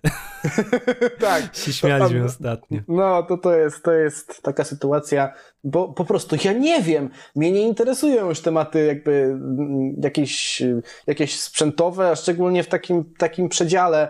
E, ja raczej staram się, jak już mam, wybiorę sobie dosyć ciężki proces to jest, dlatego tego nie lubię, nie lubię robić. Wiesz, zrobienie swojej gitary to nie jest takie hop siup. No jasne. Tak, e, zawsze jest to pewnego rodzaju loteria. E, to jest duże ryzyko. E, jednocześnie, jednocześnie no, ktoś może powiedzieć, że to jest jakiś kostropolec, brzydkie i tak dalej. Mi się podoba ten instrument, a na pewno mam gwarancję, że nikt takiego nie ma drugiego. no oprócz tak, mnie, sumie, bo ja mam drugi. W sumie seryjnie takich nie produkują. Seryjnie tak. Jeszcze. Wiem. tak. Ciekawy jestem, ciekawy jestem. E, mieliśmy jakieś takie, wiesz, rozmowy, żeby to dalej pociągnąć, e, ale chyba mm, kolega Mirek nie ma takich mocy przerobowych. E, jakieś tam były pomysły, żeby, żeby na jakiś nam polecieć czy coś, mhm. ale to wiesz, to są takie inwestycje, że, że no, nie każdemu to się do końca będzie spinało, więc tak to wygląda. Wiesz co, ja jeszcze tutaj mam jedną taką małą uwagę, że mówię o tym często właśnie, że nie doradzam, że to jest indywidualne, bo ludzie czasami to odbierają, że o, gwiazda to mi nie pomoże, bo ma, jest zajęty, nie ma czasu. Po pierwsze, rzeczywiście często nie mam czasu, żeby w ogóle odpowiadać na jakieś maile i teraz y, głównie odpowiadam tylko ludziom, którzy się uczą u mnie, czy to bezpośrednio jako uczniowie prywatni, czy to jako patroni w mojej klasie gitarowej, a po drugie właśnie nie chcę potem za trzy miesiące dostać informacji, że ktoś się zawiódł na mojej poradzie, więc czasami po prostu lepiej umyć ręce i powiedzieć, że sorry, nie jestem w stanie ci pomóc. E, myślę, myśl, myślę, że tak, szczególnie, że ty, ty, ty jesteś bardzo wyraźnie zaznaczony, y, y, z kim współpracujesz i tak dalej.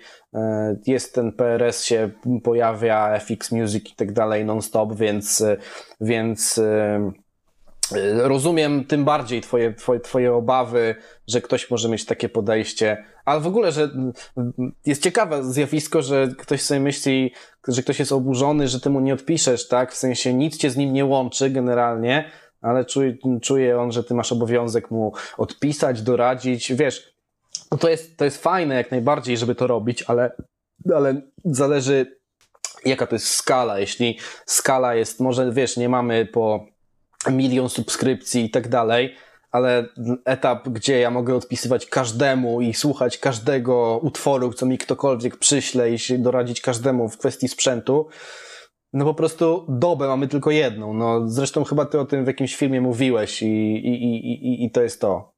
No niestety, że znaczy to też zależy jakby w jakim etapie się, znaczy na jakim, w jakim zakresie się zajmujesz kanałem, bo ty na przykład z tego co kojarzę to zlecasz montaż filmów, nie? E, e, tak, ja zdecydowałem już dawno temu, kurde, chyba z 5 lat temu w ogóle zdecydowałem, że e, absolutnie nie chcę się tym zajmować, mhm. bo jakby nauczyłem się tych podstaw, jak to się robi, robiłem kilka tych filmów, natomiast nie mam cierpliwości do, do sytuacji, że nie wiem, wywala mi się montaż, bo to częste zjawisko, coś tam się nie dogra, trzeba poprawiać. Wolę zrobić tak zwany outsourcing i, i, i, i niech ktoś, kto ma więcej wiedzy na ten temat, to zrobi, a ja będę robił lepiej to, co, na czym ja się znam, e, bądź e, tak, udaję, że się znam. E, no. Nie, no jasne, to jest bardzo, bardzo dobre podejście i chyba każdego to prędzej czy później czeka. Ja cały czas rozważam, bo ja wszystko sam sobie robię od tak naprawdę podstaw, nie? Samo nagrywanie. Podziwiam cię, musisz być, musisz mieć mega, nie wiem, ile, ile pracujesz dziennie mniej więcej? No z 10-12 godzin spokojnie. 10-12 znaczy, wiesz, godzin. pracuję, to wliczam w to też ćwiczenia. To nie tak, że wiesz, że siedzę nad YouTube'em 10-12 godzin, ale z gitarą to tak bym powiedział, że, że na wysokich obrotach myślę, że z 10 godzin dziennie to spokojnie działam. Okej, okay, okej, okay. czyli, czyli po prostu.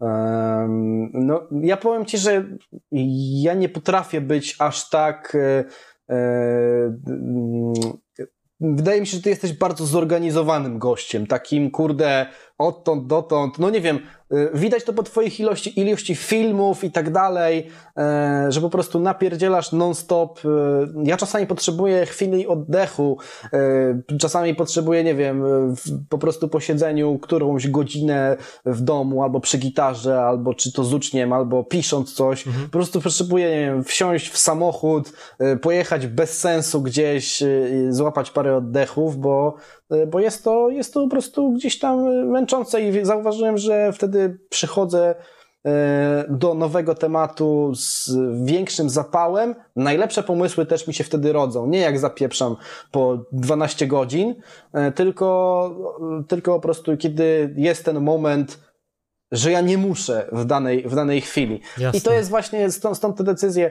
Ja w ogóle wziąłem to od, takie podejście od E, na przykład e, youtuberów, bardziej blogera, typu e, na przykład Bartek Popiel, nie wiem czy kojarzysz, taki mm, biznesowy, biznesowy człowiek, który doradza właśnie firmom. Okay. Ja kiedyś tam byłem u niego na jakimś szkoleniu i on właśnie mówił, że kurde, zlecajmy, bo jest ta pokusa, że nam się wydaje, że najlepiej będzie, jak wszystko zrobimy sami. Znaczy, to jest tylko, chyba że, problem tylko, w ogóle potem... taki przedsiębiorców, że każdy, kto ma jednoosobową działalność, to chce być i specem od marketingu i robić robotę i jeszcze, wiesz, załatwiać nowe deale i tak rzeczywiście chyba każdy, kto zostanie na tym etapie, że sam wszystko chce robić, no to się nie rozwinie. Uderzy po prostu w szklany sufit, nie? Tak mi to, się to wydaje. prawda, bo to szklanym sufitem jest poziom naszej energii i nasz czas. Mhm. Nie jesteśmy w stanie tego przeskoczyć. Nie jesteśmy też w stanie, e, no przyznasz, że nie jesteś w stanie być na absolutnie najwyższych obrotach i ze świeżością umysłu, kiedy jesteś 14 godzin y, głową w tym, co robisz. No ciężko to jest do wykonania. Jeden dzień spoko, dwa dni spoko, bo ja nie mówię, są też takie dni, że po prostu wiesz, oramy y, temat do, do upadłego, ale um, uważam, że uważam, że na dłuższą metę takie coś nie działa. Ani z gitarą, paradoksalnie, ani zrobieniem czegokolwiek typu właśnie maraton, tak? Czyli robienie kanału na YouTubie, uczenie się grać na gitarze. Eee, potrzebujesz, o właśnie, myślę, że to będzie ciekawe pytanie. Potrzebujesz czasami takiej przerwy, na przykład, nie wiem, dzień, dwa, że absolutnie masz gdzieś ten, ten instrument, nie grasz, nie dotykasz. Wiesz co, nie potrzebuję, ale czasami życie tak yy, sprawia, że, że gdzieś tam rzeczywiście ten instrument na dzień, dwa odpuszczam, ale trochę mam wtedy wyrzuty sumienia, że nie poćwiczyłem, taki kac moralny. To jest uzależniające granie na instrumencie. Jasne, to, to, to myślę, że doskonale obaj o tym wiemy. Eee, z moich doświadczeń wynika, że że nie ma absolutnie sensu tego kaca moralnego mieć.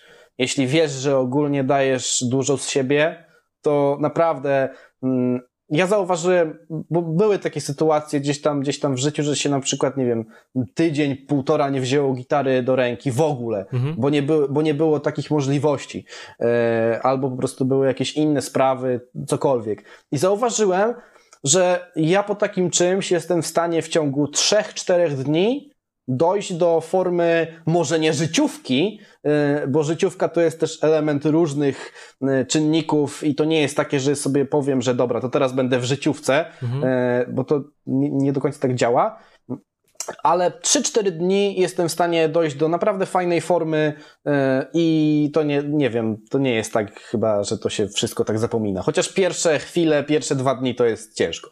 A masz jakiś system w ogóle teraz takiego samorozwoju, jak ćwiczysz coś, nie wiem, dzielisz sobie tematycznie zagadnienia na dni, może w ciągu dnia masz jakiś tam powiedzmy plan ćwiczeń, jak już tak przeszliśmy płynnie do, do samych ćwiczeń na instrumencie, jakieś takie porady, które byś mógł sprzedać właśnie gitarze gitarzystom, którzy szukają swojej drogi? Kurde, to jest. Y, jakby to, co ja robię, nie chciałbym tego w tym momencie rekomendować y, nikomu, bo to jest dosyć personalne, ponieważ myślę, że nie wiem, technicznie, technicznie na tyle umiem, że mm, nie muszę już poświęcać jakichś strasznie wielkich ilości czasu na, na to, żeby, y, wiesz, y, jeszcze dopracowywać y, o 2 BPM więcej legato albo coś w tym stylu. Mhm. E, nie skupiam się na, nie skupiam się na tym jakoś specjalnie i to często wynika z tego, że ja to ćwiczę chcąc, nie chcąc, ponieważ mam, jakby sam sobie piszę dosyć wymagające utwory i w których jakby mm, ta forma, jeśli chodzi o technikę, jest wymagana i bardzo potrzebna, e, e, ale służy to jakby realizacji jakiegoś pomysłu, jakiejś kompozycji.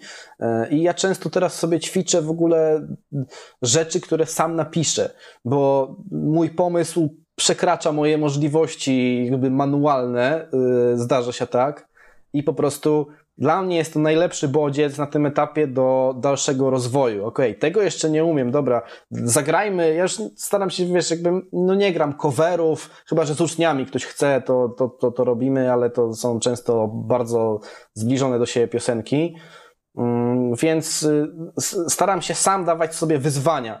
E, a najczęściej to po prostu tak przypadkiem wychodzi, bo bo mój pomysł, powiedzmy, tam się tyle dzieje, że technicznie, żeby to ugrać, to nie jest tak, że biorę gitarę y, pół godziny i ja już to umiem grać, tylko czasami to są trzy tygodnie, żebym miał jakiś tam patent y, wycisnął z tego instrumentu.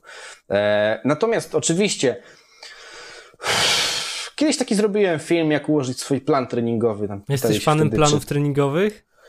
E, ja powiem ci, że nigdy nie byłem w stanie jak cyborg, jak robot, y, realizować jakieś takie plany w skali, nie wiem, pół roku, roku, czy coś w tym stylu, że 8,5 y, minuty tutaj na to, a no na odłożenie kostki to jest 2,5 sekundy, bo więcej to już będzie, wiesz, moralniak. Nie, wiesz co, ja myślę, że przede wszystkim e, radość z tego, że robimy, robimy postępy. Y, ja jestem zwolennikiem raczej sytuacji, że nie róbmy wszystkiego naraz nie próbujmy robić, wiesz, nauczyć się jednocześnie, e, e, nie wiem, e, sweepu i, i legato i tego i tamtego. Wszystko naraz, robiąc sobie po 3,5 minuty przykłady dziennie.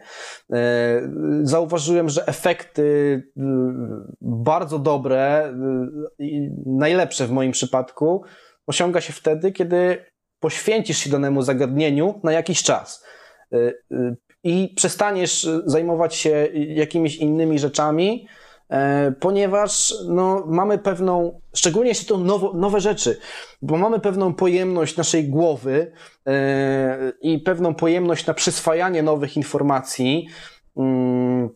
Nie wiem, chcemy nauczyć się powiedzmy techniki sweep picking, ok.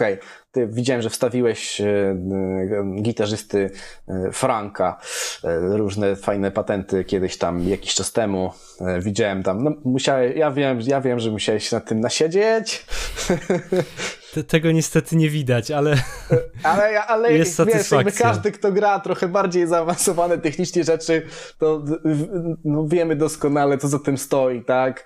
Siedzenie, granie, potem on nie, nie wychodzi w tym miejscu, to jeszcze trzeba docisnąć lepiej, to wszystko wiadomo, że, że tak to wygląda. E ale podejrzewam, że kiedy robiłeś ten fragment, to nie zajmowałeś się pięćdziesięcioma innymi rzeczami, tylko to był twój główny fokus Oczywiście. raczej. Wiesz co, ja pytam, y, bo jestem ciekawy po pierwsze, a po drugie też sam bym chciał coś na ten temat powiedzieć. Oglądam bardzo dużo kanałów, y, bardzo dużo kanałów jazzmenów, bo ja teraz głównie próbuję się rozwijać właśnie w okay. improwizacji jazzowej. Jest taki jeden świetny saksofonista młodego pokolenia, który jest uważany za jednego z najlepszych na świecie. Zaczął robić właśnie swój kanał na YouTubie, e, okay. kursy i on ma taki zaje fajny y, film o tym, jak, jak, jak mieć poprawny mindset w trakcie ćwiczeń.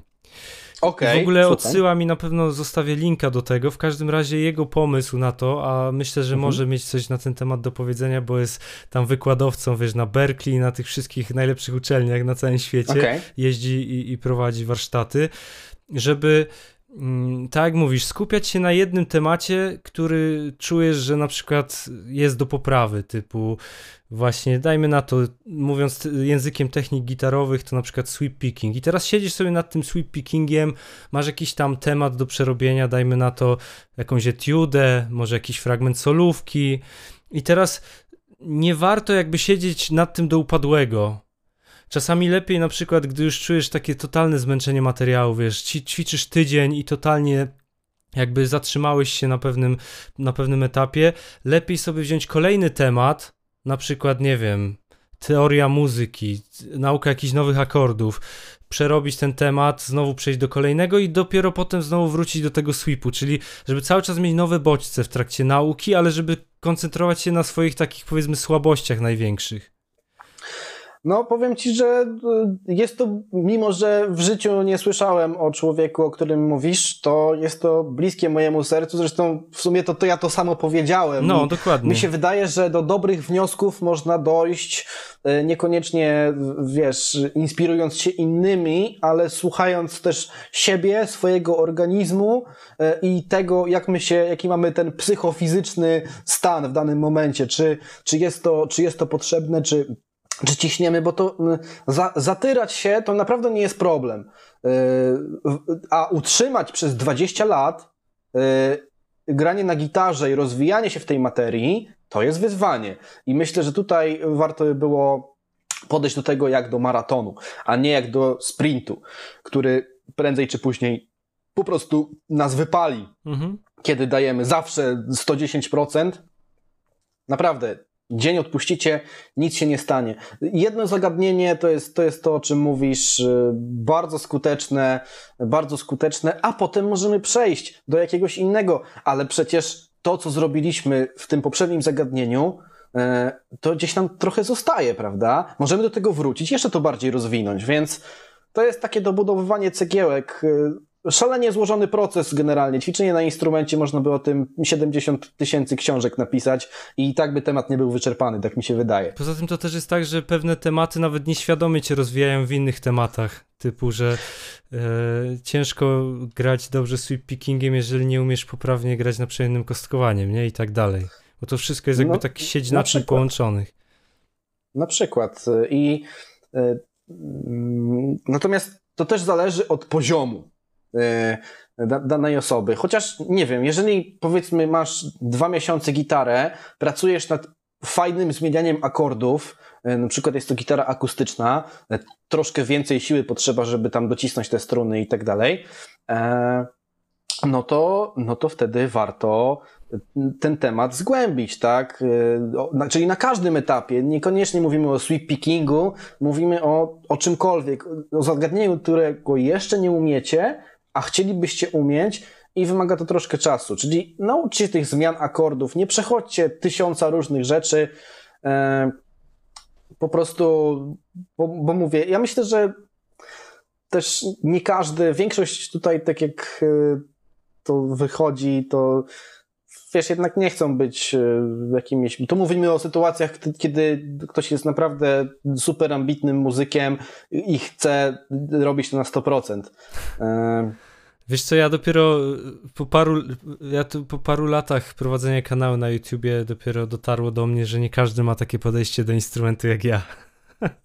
I byłem takim gitarowym SS-manem, co stoi z biczem nad tobą i każe ci ćwiczyć i zapierdalaj, za przeproszeniem. No. I to jest straszne, bo większość jednak naszych widzów i teraz jakby wyciągam trochę do nich rękę, robiąc jakieś takie materiały bardziej ciekawe, a mniej specjalistyczne. Jednak nie jest tu po to, żeby y, grać techniką Michelangelo Batio, tylko żeby cieszyć się muzyką i żeby mieć frajdę z grania na instrumencie, po prostu i tyle. I to jest wystarczające i jest tak samo dobre jak to, że siedzisz całymi dniami i ćwiczysz powiedzmy jakiś jeden sweep, żeby potem go zagrać na koncercie, nie?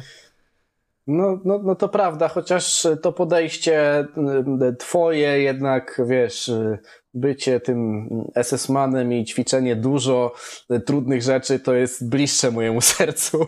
Myślę, że niż, niż podejście typu, a coś tam sobie pogram, coś z tego będzie. Chociaż widziałem na przykład gitarzystów na ogniskach jakichś, którzy tam sobie grali. Kurde, wiesz, dawali radę, robili to co, to, co do nich należało bardzo dobrze, równo trafiali w rytm, fajnie akordy y, ogarniali, dodawali jakieś fajne smaczki i to tak wychodziło często. Y, im to wystarcza, spoko. Wiesz, ja jakby też y, to ostatnio kiedyś na jakimś filmie o tym, o tym, o tym mówiłem, że ja doskonale wiem, że mm, mógłbym mieć znacznie więcej, wiesz, tych subskrypcji, łapek, oglądalności i tak dalej.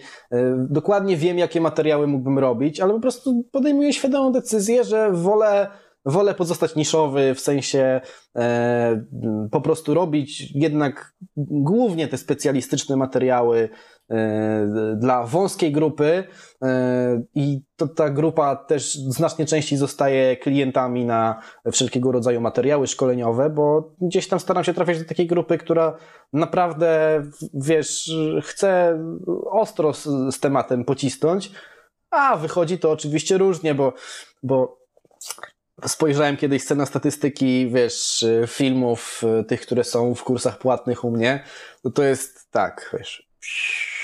Tak jak z seriami na przykład o, o, jakimś temacie na YouTube. Na przykład ja mam teorię muzyki dla każdego i każdy obejrzał praktycznie, kto mnie ogląda, podstawy teorii nauki dźwięków na gryfie, ale jak już idą dalsze tematy, to wyświetleń coraz mniej.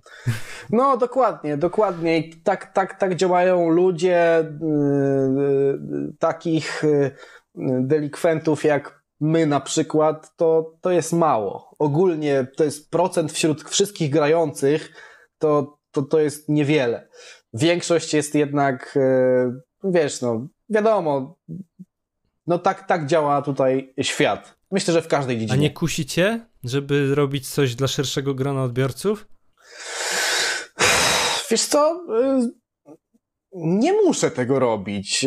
Wiadomo, że czasami trochę trochę, trochę mi gdzieś tam y, y, pokusi, jak widzę, że wiesz, y, nie wiem, to patrzy się gdzieś tam, podświadomie się może i patrzy na te numerki, tak? A ten ma tyle subskrypcji, a ten ma tyle, a ten ma tyle, to, to ten jest lepszy na przykład, tak? A to nie koń... A wiesz, zauważ, że najwięcej subskrypcji na gitarowym YouTubie ma kanał Naucz się grać, czy coś takiego, gdzie po prostu ma akustyka, pokazuje chłopak różny, nie wiem, czy wy się znacie, czy czy nie? Mm -mm. Czy znasz ten kanał? Znaczy znam, znam, bo, bo kiedyś trafiłem oczywiście na materiały i, i wiem o czym mówisz, jasne. E, no to, no to wiesz, no to dobra, no to bicie numer jeden, bicie numer dwa, spoko, Amol Cetur, Amol Cetur, yy, G7, o proszę bardzo, jest grubo. Yy, I wiesz, i, i, i u takich odcinków, takich odcinków na, na, na, na, na tysiące piosenek jest po prostu po prostu jakby setki, tak? E, natomiast wiesz, pokazywanie jak e- Ed Sheeran gra Icy Fire po raz 38, e, to mnie trochę średnio interesuje. Ja nie jestem na etapie coverów w swoim życiu. Mimo, że to zabrzmi egoistycznie, jednak gdzieś wolę jakieś rzeczy bliższe mojemu sercu pokazywać. Wiadomo, może by były z tego, wiesz, efekty mm, nie wiem, też, też finansowe i w ogóle, wiesz, większa grupa odbiorców, bla, bla, bla. E, no tylko pytanie, czy wiesz, jak sobie tam myjesz zęby rano i stajesz przed lustrem, to, to czy jak patrzysz sobie na tego gościa, to, czy jest ok, czy czujesz, że coś nie do końca jest ok? Ja bym nie chciał, żeby było nie do końca ok. Jasne, mi się wydaje, że to jest fajne, że każdy z nas jakąś tam niszę wypełnia i że jakby są kanały, które docierają do szerszego grona, za zajawiają na przykład w ogóle graniem na instrumencie. I to jest też szansa dla nas, takich powiedzmy gitarowych geeków, którzy pokazują tematy specjalistyczne, bo komuś może to już nie wystarczać, zagranie czterech akordów na krzyż, nie? Więc dokładnie, oni też dla nas robią Chociaż dobrą robotę. Oczywiście Oczywiście ta grupa, oczywiście ta grupa początkujących będzie zawsze największa. E, e, natomiast wiesz, no na przykład chociażby zrobiłem dla takich osób gitarowy starter, gdzie cofnąłem się totalnie do podstaw. W ogóle wiesz, dla, jest to dla osób, które w życiu nie miały gitary w ręku. E, I to też było ciekawe doświadczenie dla mnie, że każdy najmniejszy element musiał być rozłożony na czynniki pierwsze. Dlatego nie mówię, dobra, tu jest kostka i tu robisz tak i grasz, tylko mówię, dobra, ale teraz pod jakim kątem, a jak mocno ją ściskasz, a jak robisz to, wiesz, cofnięcie się do tych podstaw, takich y, totalnie od zera, e, i rozkminienie tego, kiedy już umiesz grać i szybko, i nie szybko, i, i, i technicznie, e, no to, no to to jest fajne, bo jakby od razu dostaje taka osoba dobre informacje, tak? Częstym problemem jest to, że y, wiesz, ktoś gra na przykład, nie wiem, na weselu, y, na klawiszach, a tam na gitarze pan Heniek tam zna cztery akordy i czasami coś podgrywa i daje lekcję za 25 zł na przykład, tak? Y, I przychodzi do mnie taka osoba, ostatnio taką, taką miałem sytuację, no nie, no bardzo dobrze tam wszystko gra, nie? A Ale pani He pan Henik do ciebie przyszedł, czy jego uczeń? Nie, jego uczeń, okay. tak? Y, y, y, I... No i cóż, no okazało się, że temu uczniowi mówił, że no wszystko jest spoko, nie? Jak najbardziej, bardzo fajnie, bardzo ładnie. Potem patrzę, tam jest kurwa wszystko źle, nie? Lewą rękę, prawą rękę trzeba ustawiać od zera zupełnie. Na szczęście kumaty chłopak i szybko żeśmy to zniwelowali, ale to jest przerażające. E, a przerażające to było jeszcze na przykład dużo bardziej 15-20 lat temu, kiedy tego nie było, kiedy my zaczynaliśmy. Ja się cieszę, że zacząłem od gitary klasycznej też. Śmieję się właśnie, bo teraz mam przyjemność nawet współpracować ze swoim pierwszym nauczycielem. Tam prowad będę prowadził dla niego warsztaty. Nagrywałem też y, taki jeden live session z nim i, i się śmiałem właśnie, że narzekałem na gitarę klasyczną, bo ja byłem takim typem totalnie buntownika, ale to, jak mi rękę to ustawiło, szczególnie lewą, to do no. dzisiaj to jakby procentuje w graniu na gitarze elektrycznej. Lewą. W ogóle ty masz. Yy, ty masz jedną z fajniejszych technik. Tak wizualnie myślę, że jeśli chodzi o YouTube'a, wiesz, w tym kraju. Bardzo ergonomicznie grasz myślę, że ja tak nie gram tak, aż tak ergonomicznie jak ty. ty. ty. jesteś taki, no absolutnie, no chyba na wyższym levelu jest y, Tomek Andrzejewski. No on to jest na levelu w ogóle kosmiczny też. Nie ma... Tak, ale wiesz co, potem mnie to na przykład już nie, nie, nie zachęca, żeby nie wiem, że o, teraz będę tak jak grał, tak jak on. To ciekawe jest, wystarcza mi to, co, to, co jest teraz y, pod względem technicznym, chociaż cały czas staram się dawać sobie wyzwania. Wydaje mi się, że ty zrobiłeś duży progres w tym, e, jak to wszystko wygląda, bo i widać, y, jak ja grałem na klasyku i też miałem dobrego nauczyciela, to widzę, że ty też musiałeś mieć dobrego nauczyciela, bo ustawienie ręki, wiesz, to wszystko u ciebie wygląda e, podręcznikowo, tak? Podręcznikowo. E, u niewielu tak wygląda w sumie, tak mi się wydaje. Jasne. Pozdrawiam pana Krzyśka. Dzięki za wszystko. Zróbmy sobie tutaj cięcie, dobra? Dobra, ja też zrobię sobie. Z jakimi problemami najczęściej y, pojawiają się u ciebie uczniowie? Co jest takim, powiedzmy, rzeczą naglącej potrzeby? Co trzeba jako pierwsze poprawić? Jakie mają pytania ludzie? Takie, wiesz, y, troubleshooting. Mm, okej, okay. wiesz co...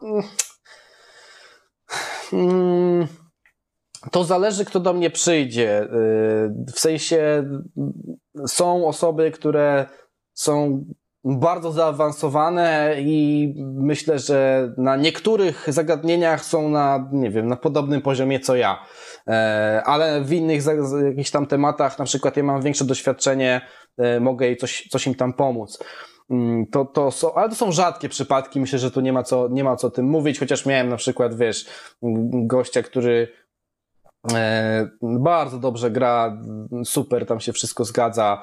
E, natomiast e, wiesz, przyszedł jak to zrobić, żeby zrobić płytę, wydać to, ogarnąć to wszystko, jak poleca, czy, czy jak polecam, czy lepiej by wolał na przykład, nie wiem, jednak wynająć sobie jakiegoś żywego perkusistę wysokiej klasy, żeby nagrał te wszystkie rzeczy, a nie na przykład robił skąpa, czy nie, i dlaczego tak, dlaczego nie tak. Wiesz, tego typu tematy, ale to są naprawdę jednostkowe przypadki. E, a większość problemów to jest taka sama. Cały czas jest taka sama i kolejne osoby, które przychodzą, e, to po prostu mają te same problemy. Albo im się w ogóle wydaje, że one tych problemów nie mają, potem się okazuje, że jednak są. No nie wiem, choćby nieprecyzyjna, nieprecyzyjnie granie rytmiczne, granie nie w rytmie, tego tak mogę powiedzieć, że się zakręciłem. E, mhm.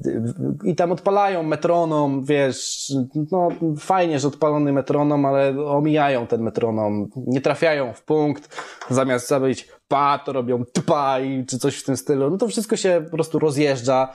E, Jak perkusista i basista. Słucham? Jak perkusista i basista w każdym zespole. ja akurat grałem z kozakami, Inside tego joke. oni się nie rozjeżdżali.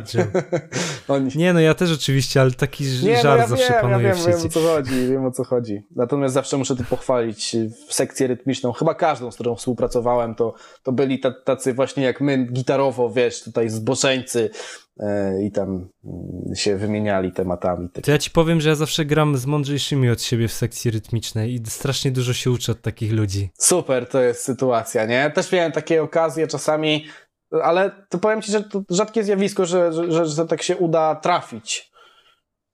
Że nie jest, że wiesz, że jakby jak ty nie, i, i, wiesz, możesz, możesz grać sobie z ludźmi bardziej doświadczonymi od siebie. No to uważam, że to jest jeden z lepszych sposobów na szybsze windowanie swojego poziomu.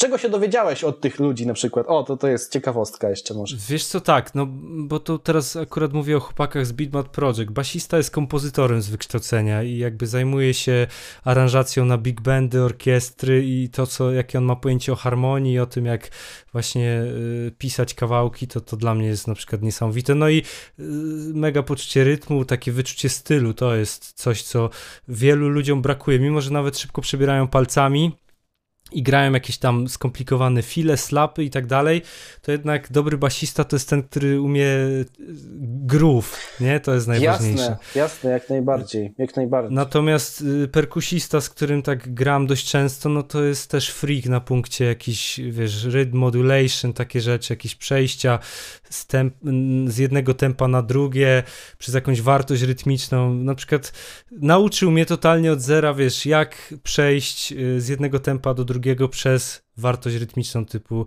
że ćwierćnuta w trioli robi się twoją nową ćwierćnutą w nowym tempie, nie? I to jest taki mindfuck na samym początku, ale jak perkusista ci to wyłoży, co jest tak naprawdę jego główną domeną, żeby to wszystko rozumieć i mieć w głowie poukładane, to nagle się okazuje, że to wcale nie jest takie trudne, ale też jakby wymaga dupo godzin i wysiedzenia swojego, żeby zrobić to na tyle dobrze, żeby nie zastanawiać się za każdym razem, tylko żeby to czuć, nie? To jest też chyba taka rada dla wszystkich yy, gitarowych maniaków, a szczególnie początkujących, to co mówisz, po pierwsze, żeby nie brać się za wiele tematów, a drugie, żeby nie skakać po tematach. Bo też jak się y, uczysz chwytu, złapiesz go trzy razy, to to nie znaczy, że umiesz go zagrać i w każdych warunkach go złapiesz od strzała, nie? To jest mega istotne. Mhm, mhm. No to, to, to jest to.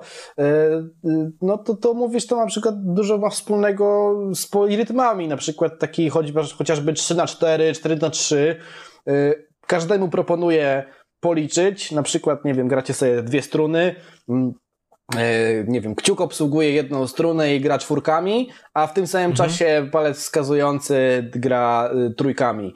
E, I policzcie najpierw cztery, a potem trzy. I to jest w ogóle na początku e, tragedia, żeby to zrobić.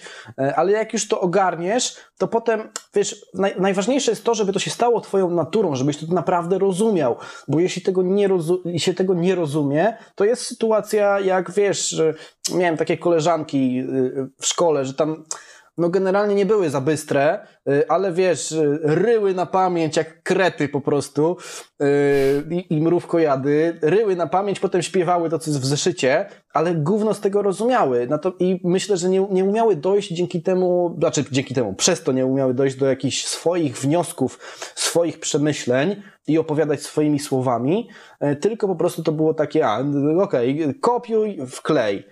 Mhm. I, i, I tutaj tą analogię bym zrobił. Wiesz, to jeszcze poszerzył trochę, bo też yy, jakby wpadłem w tą pułapkę ucząc się gry na gitarze samemu, że y, można być, wiedzieć, wszystko rozumieć mega zajebiście, w sensie w teorii wszystko kumać, ale jednak nie spędzić wystarczająco dużo czasu, żeby to przekuć w palce, przekuć jakby w intuicję, bo takie rzeczy jak nauka nowych akordów, jak y, jakaś improwizacja po konkretnych progresjach akordowych, to musi być intuicyjne, to nie może być tylko zrozumiałe i że wiemy to w teorii, bo w trakcie grania nie ma czasu na zastanawianie się nad teorią tak naprawdę. Dokładnie i y, ja nie wiem, gdzieś sobie y, podprogowo chyba taką zasadę kiedyś wymyśliłem, y, że mm, uczę się na przykład nowego zagadnienia z teorii muzyki, a następnie natychmiast je aplikuję w nowym utworze, który napiszę, w pierwszym, który napiszę.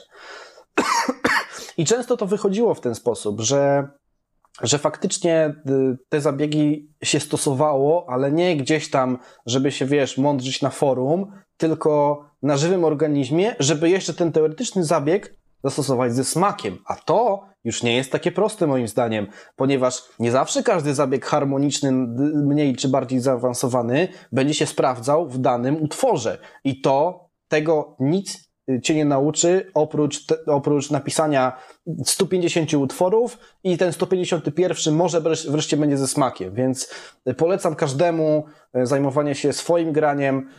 Ja w ogóle bardzo gratuluję, że podjąłeś w końcu decyzję, że robisz coś swojego, wydałeś epkę.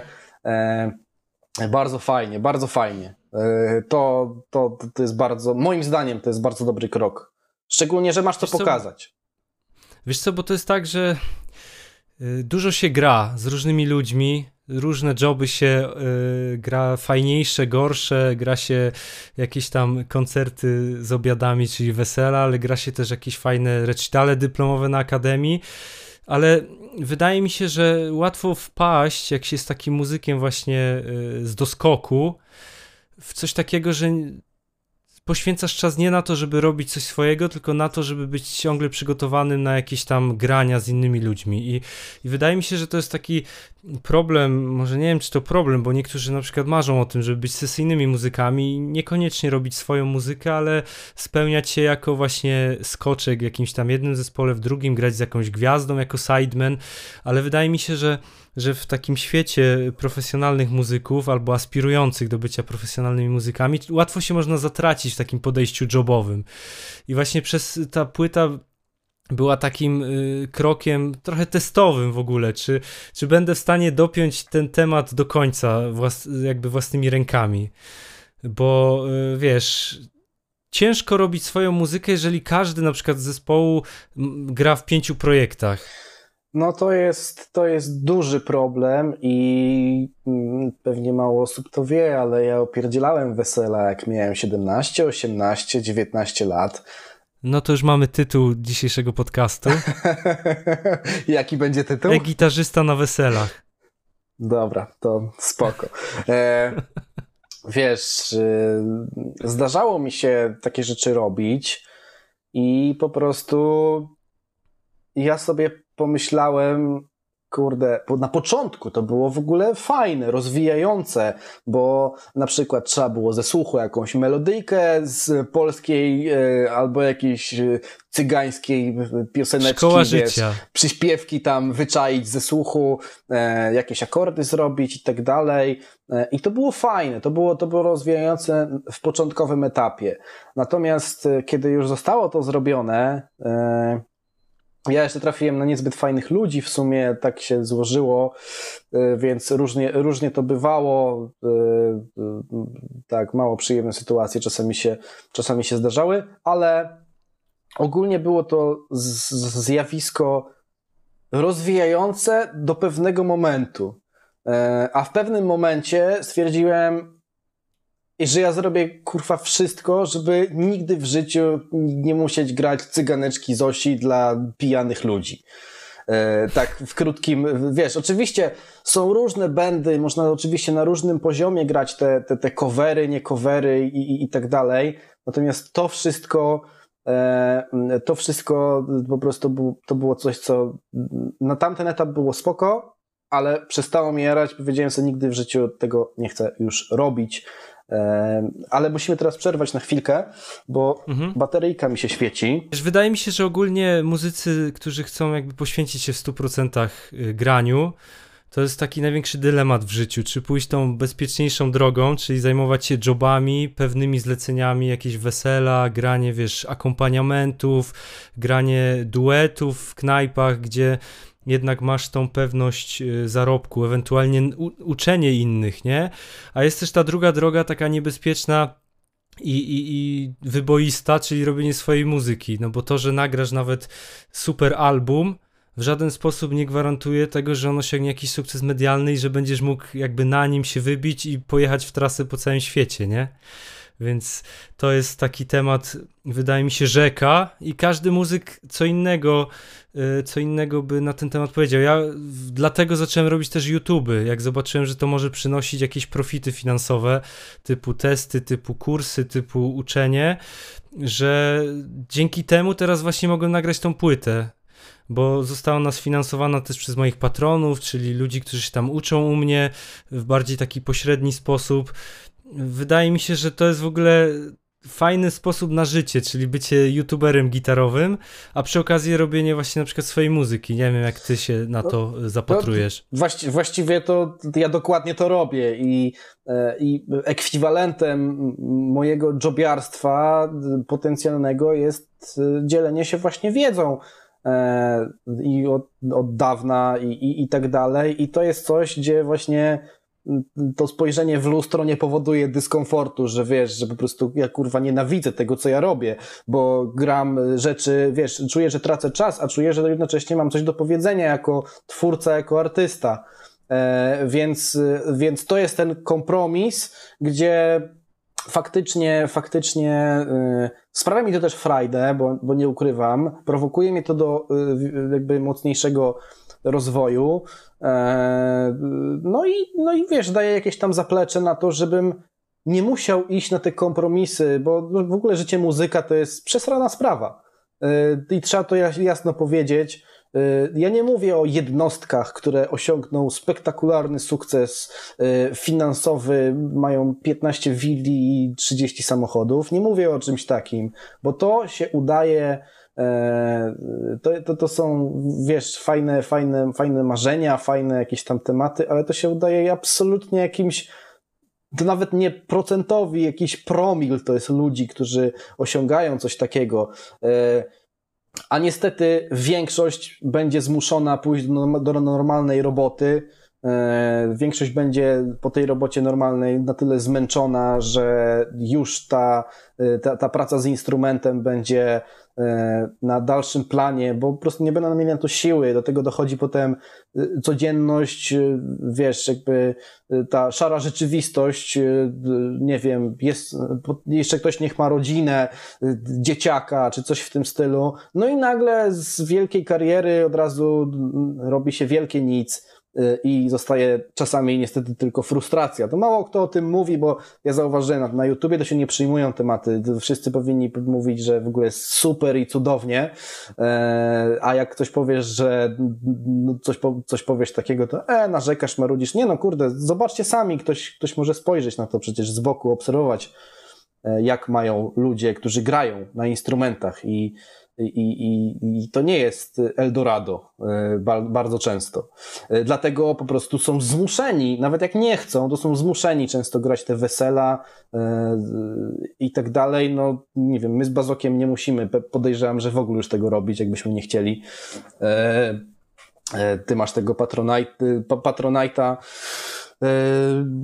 Ja mam swoje kursy, ty też masz kursy, ale kiedyś mi powiedziałeś, że w ogóle u ciebie ten Patronite to jest taki główny, główny temat. Wiesz co? To się zmienia na przestrzeni czasu. Teraz jest taka jakby moda na to, żeby dołączyć do mojego Patronite'a, ale wiesz, kiedyś na przykład to było takie wsparcie finansowe, że nie byłbym w stanie z tego wyżyć. Teraz jakby to jest taki główny motor napędowy mojego kanału. Jasne. Ale nie wiem, co będzie za rok. Może ludzie, którzy mnie teraz oglądają i wspierają, się przejedzą moimi materiałami i stwierdzą, że już nie, niekoniecznie, więc cały czas też trzeba kombinować tak, żeby jakoś zachęcić ludzi do tego, żeby e, zmotywować do ćwiczeń właśnie, żeby nie odeszli, nie zniechęcili się, ale to też nie jest stałe. Może dzisiaj jest super, jutro może być gorzej, a może być znacznie lepiej, więc nie wiadomo tak naprawdę, co, co czas przyniesie. Nie, no jasne, to wiesz, to, to zawsze to jest właśnie robienie czegoś na swoim. No jasne, możesz decydować, o której wstaniesz i o której zjesz sobie y, kanapkę z szyneczką, ale to wiesz, to generalnie, generalnie jakby też część ludzi sobie nie zdaje sprawy, jak, że to trzeba trochę jaja mieć też do tego, że podejmujesz taką decyzję, że ty już nie masz tej stałej, wiesz, pensyjki swojej, może trochę mniejszej, może trochę większej, ale jakiejś tam stałej E, tylko po prostu i wychodzisz z roboty. O, to jest najważniejsze. Wychodzisz z roboty o 16 i masz w dupie do mhm. 8 rano następnego dnia. E, ja nigdy nie mam w dupie, ty podejrzewam, że też nie. Nawet e... na urlopie myślę o tym, o czym mógłbym nagrać kolejne filmy. No, do, no właśnie, więc, więc to też e, tak nie wygląda. Jest to bardzo zmienne jest to bardzo zmienne y, y, i cały czas trzeba praktycznie, żeby się utrzymać na, na, na jakimś tam poziomie, cały czas tak naprawdę musisz coś wymyślać, nie możesz stanąć w miejscu, I, ale mi to się podoba, bo mówię, prowokuje mnie to do rozwoju gitarowego również. Mhm. E, pewnie gdyby nie kanał na YouTubie, nie trafiłbym do Adama Fulary na lekcję, bo pewnie jak ktoś nie wie, to się edukuje od roku, półtora. E, w ogóle jestem super zadowolony z tych lekcji i, już wiem, że e, no, pokazał rzeczy, na które gdzieś tam uciekły mojej uwadze. Jestem przekonany, że nowe utwory, które zrobię od tego momentu, już jeden zrobiłem stosując te, te, te, te rzeczy, o których tam żeśmy rozmawiali, będą po prostu znacznie lepsze i, i to mi daje tą satysfakcję, tak? E, też myślę, że w naszym, w naszym zawodzie jest dużo tematu typu wiesz, no nikt ci nie płaci za ćwiczenie na instrumencie, nie? No nie. Ani zapisanie tych, tego, tej epki, którą robiłeś, to no nie. Ktoś tam może kupił. Właśnie to jest, to jest, to jest, dlatego też ja, wiesz, deleguję wiele rzeczy.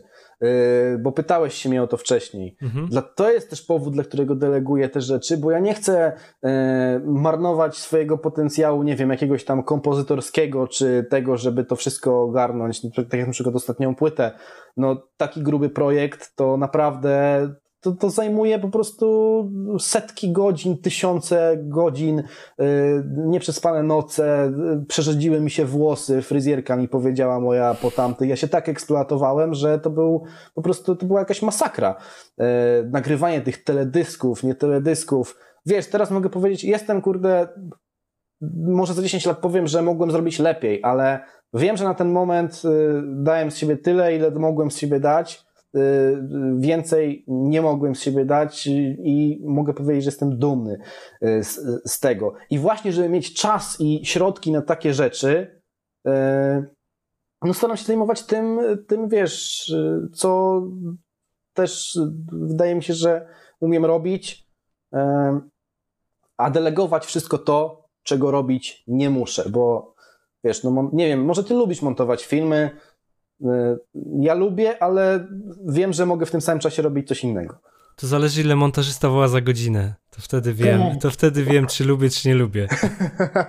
Okej, okej, okay, okay, rozumiem. To jest rozumiem, fajne, bo czasami chodzi. wiesz, y, narobisz się i poświęcisz tyle godzin, a ktoś za montaż tego odcinka weźmie, chce więcej niż ty dostaniesz za całe zlecenie na przykład. Czasami są takie też śmieszne sytuacje. Nie, no jasne. To... Z grafikami mam czasami takie, takie akcje, więc na przykład y, album, y, okładkę sobie sam zrobiłem. No i widzisz, ale, ale tak naprawdę e, e, szczególnie na, na etapie, że to nie jest, wiesz, e, światowy zespół renomowany, który wydał 10 płyt, to to nie ma takiego znaczenia aż. Jeśli jest, nie wiem, w miarę estetycznie, w miarę w porządku, e, nie kuje w oczy, to wystarczy, naprawdę. Nie ma co też, wiesz, przeinwestowywać w jakieś takie pierdoły. Eee, Wiesz co, to... z tym, z Maćkiem y, z Tides from Nebula się śmialiśmy a propos crowdfundingu, że często zespoły, które chcą nagrać pierwszą płytę, wrzucają jakieś cele typu 10 tysięcy budżet na nagranie, nie? Gdzie tak mhm. tak naprawdę każdy we własnym zakresie może jakieś demo nagrać, pokombinować i, i, wcale nie trzeba od razu wywalać nie wiadomo jakich pieniędzy. Wiadomo, jeżeli jesteś zespołem, który, od którego się już wymaga, albo y, wiesz, masz na koncie sporo utworów, koncertów i rzeczywiście chcesz wydać w końcu tą płytę w 100% profesjonalny sposób, no to wtedy tak, ale często ludzie y, poświęcają y, na przykład kasę nie na to, co tak naprawdę jest istotne, czyli nie na muzykę, tylko na te wszystkie rzeczy dookoła. Dokładnie, no, no wiesz, no, przystawki i ta cała otoczka niech będzie na przyzwoitym poziomie, no ale niech to nie próbuje przesłaniać dania głównego, nie? Jakim mhm. jest jednak muzyka. Także tak to czasami może się prezentować. Jeszcze taka jedna rzecz mi się rzuciła, taki paradoks w sumie nauczyciela, bo tak jak mówię, niektórzy grają joby i często mhm. znam też takich ludzi, którzy ciągle grają, więc można powiedzieć, że to w pewnym znaczy na pewno to rozwija, w zależności czy grasz na przykład ciągle wesela z tym samym składem i gracie ciągle to samo, to po jakimś czasie to raczej jest równia pochyła, bo sam wiem po sobie, że, że w takich sytuacjach jedyne o czym myślisz to nie, żeby zagrać jakieś fajne przejście, tylko kolejny utwór, kolejny, piąta rano, pakujemy się i do domu, nie? ale na przykład też takim wypalającym zawodem jest uczenie i to uczenie w takim wymiarze typu 20-30 godzin tygodniowo. Zdecydowanie się z Tobą zgadzam. Ja pamiętam 2012-13 rok. Miałem przez 4-5 dni w tygodniu po 7-8 godzin lekcji na gitarze. E, I to był czas, że po prostu nie grałem na gitarze, bo mi się żygać chciało, jak wiesz, na nią patrzyłem. E, trzeba to, to, to wyważyć. Część tej energii, którą przeznaczasz, przeznaczasz na ucznia, zabierasz sobie na swoją energię twórczą, na swoją energię, za, za, na swój zapał do trzymania instrumentu w ręku mhm. i coś robienia na nim, bo często fajne pomysły przychodzą właśnie, kiedy nie jesteście w tym planie treningowym yy, i tak dalej, 8,5 minuty, wiadomo, tutaj legato i 3,5 minuty, coś tam innego, tylko jak siedzicie sobie z gitarą i plumkacie, albo nie wiem, albo jak wyjdziecie na miasto, albo przeżyjecie coś fajnego i was to zainspiruje, yy, i byście chcieli coś o tym opowiedzieć na instrumencie, to często wtedy się rodzą te, te fajne pomysły. Uczniowie zabierają, yy, yy, zabierają energię. Mm, szczególnie jeśli podejrzewam, a podejrzewam, że zarówno ja, jak i ty, my nie jesteśmy ludźmi typu dobra, daj mi siano, a ja idę na piwko sobie potem, dobra, na razie, cześć, wszystko. Nie, myślę, że y, wiesz, no mi to, mi to zabiera sporo energii, bo naprawdę chcę, żeby każdy szczegół tego ucznia był zrobiony dobrze, był ogarnięty i żeby ten uczeń naprawdę czuł, że korzysta z tego, że przyszedł do mnie, a nie do właśnie wspomnianego pana Heńka, y, grającego cztery akordy. Y, więc, a to wszystko za, zabiera, wiesz, no, zabiera to, zabiera to z siły. Stąd moja decyzja, że ja mam tylko jeden dzień lekcyjny w tygodniu. E, mało osób, staram się nie przekraczać 5 godzin nauczania w tygodniu face to face. Okej. Okay. I tyle. A jak u ciebie to wygląda? Dużo masz uczniów prywatnych? Wiesz co, kiedyś miałem dużo, po 25 godzin byłem w stanie wyrobić, natomiast teraz... Yy jak 10 się uzbiera, to jest maks. Ja mam sporo uczniów takich z doskoku, typu raz na miesiąc, raz na dwa tygodnie. Mało jest ludzi, którzy się uczą u mnie co tydzień. Z wielu względów. Po pierwsze, stawki sobie podniosłem, właśnie, żeby trochę y, mniejsze było zainteresowanie a po drugie też, y, no raczej wolę taką formę konsultacji, typu zadam komuś zadanie na dłuższy czas, potem w międzyczasie mi podeślę jakieś swoje postępy, za miesiąc się spotykamy i, i robimy powiedzmy dalszy, dalszy porcje nauki. Tak, tak mi się najbardziej, najwygodniej pracuje. Mhm. To każdy ma jakieś tam swoje. Ja na przykład bardzo lubię mieć właśnie wąską grupę, ale zdecydowanych co tydzień pracujemy, e, bo mi jako e, wiesz, gościowi, który no, jakby właśnie nie ma tego, że on musi o godzinie jakiejś tam zrobić to czy tamto, bardzo fajnie mi to spina tydzień i daje mi fajną motywację, wiesz, czasami się nie chce, czasami jest tak czy siak, ale wiem, że się umówiłem i wiem, że muszę. Mhm. E, bo wiem, że też przekładanie co chwilę jakichś zajęć to powoduje frustrację zarówno jednej, jak i drugiej strony, więc jest to takie poczucie obowiązku. Fajnie nastraja na tydzień, e, e, fajny rozpęd daje, tak, potem to mam taki intensywny dzień poniedziałek. Uczniowie, uczniowie, potem siłownia, wracam, wiem coś, jest 22, e, także, także to, jest, to jest fajny start. Mm, ale staram się, żeby nie zgadzam się na żaden inny dzień, żeby po prostu nie mieszało mi to w innych rzeczach. Także, no cóż, tak to się prezentuje. Tak patrzę jeszcze na te tematy w sumie. E, zastanawiam się, co tutaj było, no bo tak, e, granie, twórczość własna, tutaj takie rzeczy było. E, a, jeszcze może ten, żeby temat jobiarstwa kontra, kontra twórczość własną zamknąć. Kurde, no to też zawsze się powtarza popularne hasło, że liczą się twórcy, a nie odtwórcy tak naprawdę. E, że nikt nie zapamięta gościa coverującego Mozarta fantastycznie, tylko wszyscy pamiętają Mozarta. Nikt nie pamięta gościa, który na YouTube'a wrzucił cover Johna Petrucciego w 2012 roku, na przykład taki jak ja, o, bo taki wrzuciłem, jakiś Glasgow Kiss czy coś mhm. takiego, tylko każdy pamięta Petrucciego. E, I, I po co być, po co próbować być nieudolnie drugim, trzy, trzecim, tysięcznym Petruccim, jak można być e, pierwszym bazokiem na przykład. O. Na przykład. Ale wiesz, y, to też jakby zabrzmiało bardzo, bardzo skrajnie, bo na pewno zgodzisz się ze mną, że uczenie się coverów i od, odtwarzanie innych to jest chyba najlepsza, najlepszy sposób na rozwijanie się muzycznie. Jasne, to y, jakby ja absolutnie nie neguję i nie chciałem, żeby to zabrzmiało skrajnie, szczerze mhm. mówiąc. Y, mm, y, chciałem, żeby to zabrzmiało raczej jako taki, wiesz, no, no, no zapoznanie się z, z, faktami w sumie, że w ostatecznym rozrachunku liczy się to, a nie tamto, co Jasne. absolutnie nie powiedziałem, że to znaczy, nie grajcie, nie wiem, cudzych utworów, nie róbcie tego czy tamtego, grajcie, Uczcie się w ogóle wszystkiego, uczcie się utworów swoich idoli, kopiujcie jeden do jednego ich technikę, yy, róbcie to, róbcie tamto, takie utwory z takiego gatunku, inne utwory z innego, muzykę klasyczną, róbcie wszystko yy, innych twórców, bo ja tutaj mówiłem o, o, o stawianiu na swoją twórczość, ale jak my możemy coś z czegoś zbudować tą swoją twórczość, mhm a nie, wiesz, robienie od początku, no dobra, no fajnie, no, no może power chord złapiesz i będziesz miał trzy power chordy, jesteś twórcą. No super, fajnie, no ale szkoda, że tak mało. No, wiesz co, właśnie do tego zmierzałem, bo jak czasami przeglądam fora internetowe różne, to często, znaczy często, no, nie mogę powiedzieć, że często, ale zdarzają się takie komentarze, że ludzie mówią, a ja nie chcę grać cudzych coverów, bo ja chcę robić swoją muzykę.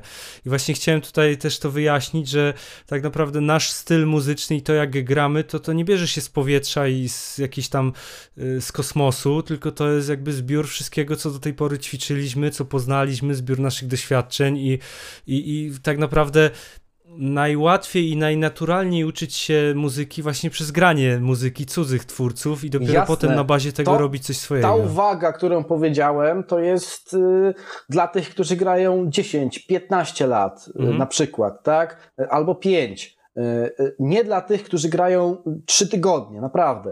Y, I też ktoś się do mnie na przykład zgłasza, on chce grać, y, nie wiem, metal, albo chce grać jak Petrucci, albo coś tam. Ja mówię, hola, hola, spokojnie. E, naucz się, co to jest ćwierć nuta, wystukajmy dobrze rytm, e, traf w metronom, zagraj to równo, e, zagraj Come You Are Nirwany może na, na początek, albo mhm. coś w tym stylu, gdzie masz dwie struny i kilka ósemek do, do, do, do wygrania, a nie bierzesz się, to jest proces, każdemu się wydaje, kto, albo w większości się wydaje, że to jest łatwo, to jest, to jest trudno, naprawdę, to jest trudno i cały czas powtarzam, że trzeba się zakochać w tym procesie, bo element, że nam dobrze wychodzi, to jest jakiś nikły procent. W większości czasu z instrumentem nam nie wychodzi, jest padaka, jest syf i teraz pytanie, czy my to lubimy, że mamy 3% y, podniesionego poziomu z wtorku na środę na przykład, y, czy też nie, bo jeśli nie, to sorry, to weźcie lepiej idźcie z znajomymi sobie na piwko y, albo coś w tym stylu, bo to nie ma sensu.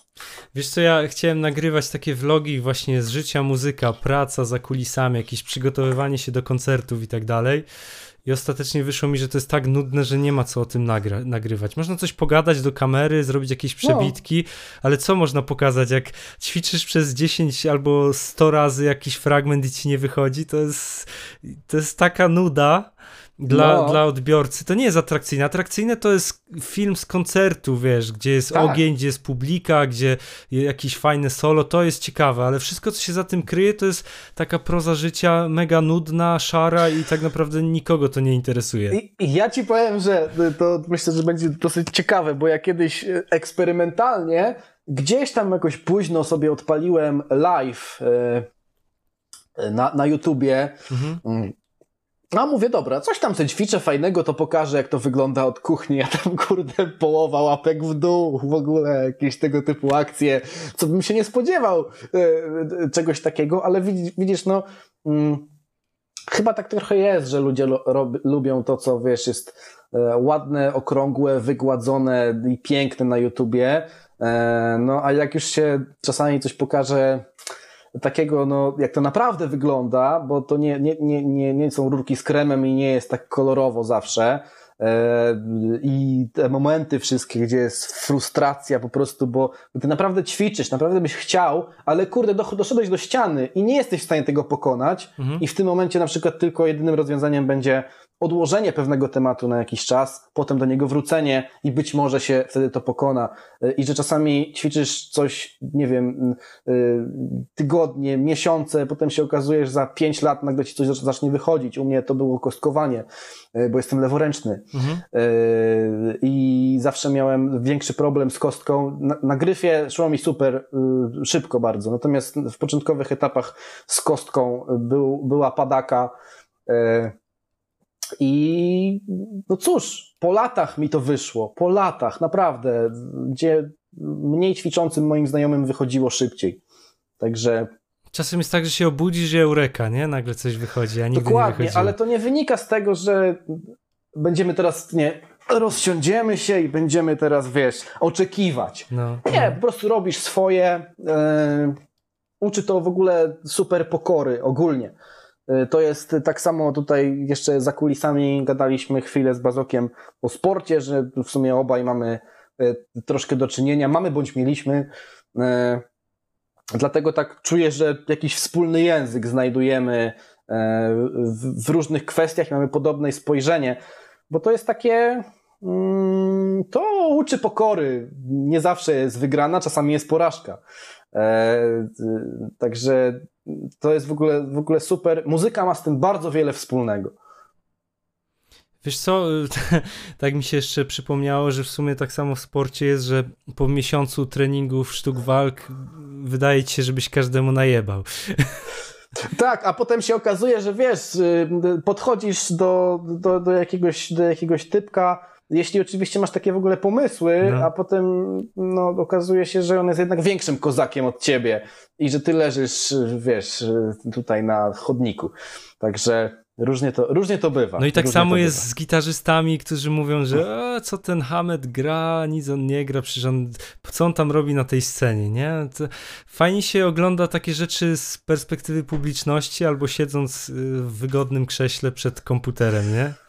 Jasne, chociaż akurat wiesz, no, muzycznie to mimo, że metalikę orałem i chyba, nie wiem, bardzo cenię y, albumy bardzo przełomowe typu Master of Puppets, na tamte czasy w ogóle kosmos y, i nawet te ballady lubię, te Nothing Else Matters i tak dalej, mm, to już dawno nie słucham, bo, mhm. bo tam muzycznie się dla mnie już tam nic nie dzieje, natomiast jeśli ktoś, wiesz, nie umie y, równo zagrać prostego motywu, i się wielce wypowiada na tematy, że jaki to Hamet jest beznadziejny i tak dalej, no to to jest dla mnie śmieszne, bo yy, no to jest, kiedyś pojechałem na koncert chyba w 2010 roku Metaliki, czy 10 czy 12, w ogóle polecam każdemu, żeby się chociaż raz na taki koncert przejechać i tak kolega starszy ode mnie, gitarzysta mówi do mnie, zobacz, jest absolutnie niemożliwe, żebyś coś żeby, żebyśmy co, coś takiego osiągnęli kiedykolwiek w życiu. Y, w sensie jest mhm. to, tak, a ja mówię, co ty, dawaj, jedziemy, nie, z, z tematem, ale potem, wiesz, okazuje się, że yy, tam się tyle czynników zdarzyło. To był pierwszy taki metalowy zespół, który wszedł na salony, że tak się wyrażę, że były tam jakieś ballady, że były tam jakieś inne rzeczy, że stylistyka się zmieniała w czasie. E, i, i patrzysz na te 80 tysięcy ludzi, którzy tam gdzieś tam stoją pod jakimś, y, pod jakimś y, lotniskiem, to chyba było Bemowo, Warszawa, z tego co pamiętam, e, no, no robi to piorunujące wrażenie w ogóle sukces artystyczny, sukces finansowy, sukces na każdym polu, legenda, wiesz, rock and roll, Hall of Fame i te klimaty. Mhm. E, a taki, wiesz, e, taki e, Sebek z, grupy gitarowej będzie tutaj mówił, nie, że to on gra tak czy siak. to tak trochę wygląda. No, trzeba trzeba wstrzymać się z osądami na samym początku swojej przygody z gitarą, bo potem można żałować tego, jakim się było kozakiem, no, jak się zaczynało myślę, grać. Myślę, że każdy z nas gdzieś tam e, e, miał ten nosek utarty hmm. e, na, różnych, na różnych etapach, na różnych polach, dlatego uważam, że nie wiem, jakbym miał kiedykolwiek w życiu dziecko, to myślę, że bym je spokojnie zapisał, czy na muzykę, czy na właśnie jakieś sportowe tematy, bo bardzo y, y, szlifuje to te cechy charakteru, które sobie cenię. E, y, wśród których jest jakaś tam pokora, bo gdzieś tam może się wydawać, że nie wiem, w zdecydowany sposób się wypowiem o takim czy innym zagadnieniu. Nie wiem też, że jestem arogancki czy coś w tym stylu, ok, ale tak nie do końca jest. Myślę, że jest całkiem sporo pokory w moim podejściu e, do, do, do działania, chociażby o tym może świadczyć to, że, że poszedłem na lekcję jako uczeń i jestem przygotowany na to, że ktoś mnie po prostu tam beszta. Nie, to nie tak jest, to źle. Można inaczej. Ale powiedz mi, co uważasz, że warto pokazywać ten proces, czy nie warto? Bo jakby taka deheroizacja tych gitarzystów. Jakby John Petrucci na przykład robił filmy o tym, jak pokazuje, y, jak gra jakieś solo z nowej płyty, to czy byłby taki, taką ikoną dla tych ludzi, gdyby jakby rozłożył ten proces na czynniki pierwsze, bo wiesz, my widzimy tych idoli tak naprawdę yy, po pierwsze w szczycie formy, po drugie... W gotowej tak. formie, takiej już zrobionej. Ja rozumiem, o co ci chodzi. No dokładnie. bo youtuberzy, e, tacy jak my, to raczej starają się rozbić to wszystko na atomy i też czasami pokazać jakieś pomyłki, nie? A, a i, i przez to też jakby jesteśmy może bliżej widzów niż takie gwiazdy. Nie mówię jakby już zupełnie abstrahując od poziomu tego, jak gramy, jak gra John Petrucci, ale chodzi mi o to, czy uważasz, że to nie wpływa na przykład jakoś tak y, negatywnie na wizerunek artysty, twórcy, jeżeli tak pokazuje się od tej ludzkiej strony? E, ja myślę, że z, z punktu widzenia psychologicznego i takiej natury człowieka, e, może to wpływać negatywnie poniekąd. E, może to, bo wiesz, robiłem o tym i ty chyba nawet komentowałeś mi pod filmem, robiłem o, dlaczego, o tym film, dlaczego promujemy kulturę y, y, talentu, y, a nie ciężkiej pracy. I tam właśnie to był film na bazie wykładu tam na jakiejś uczelni, to, to możecie sobie to sprawdzić.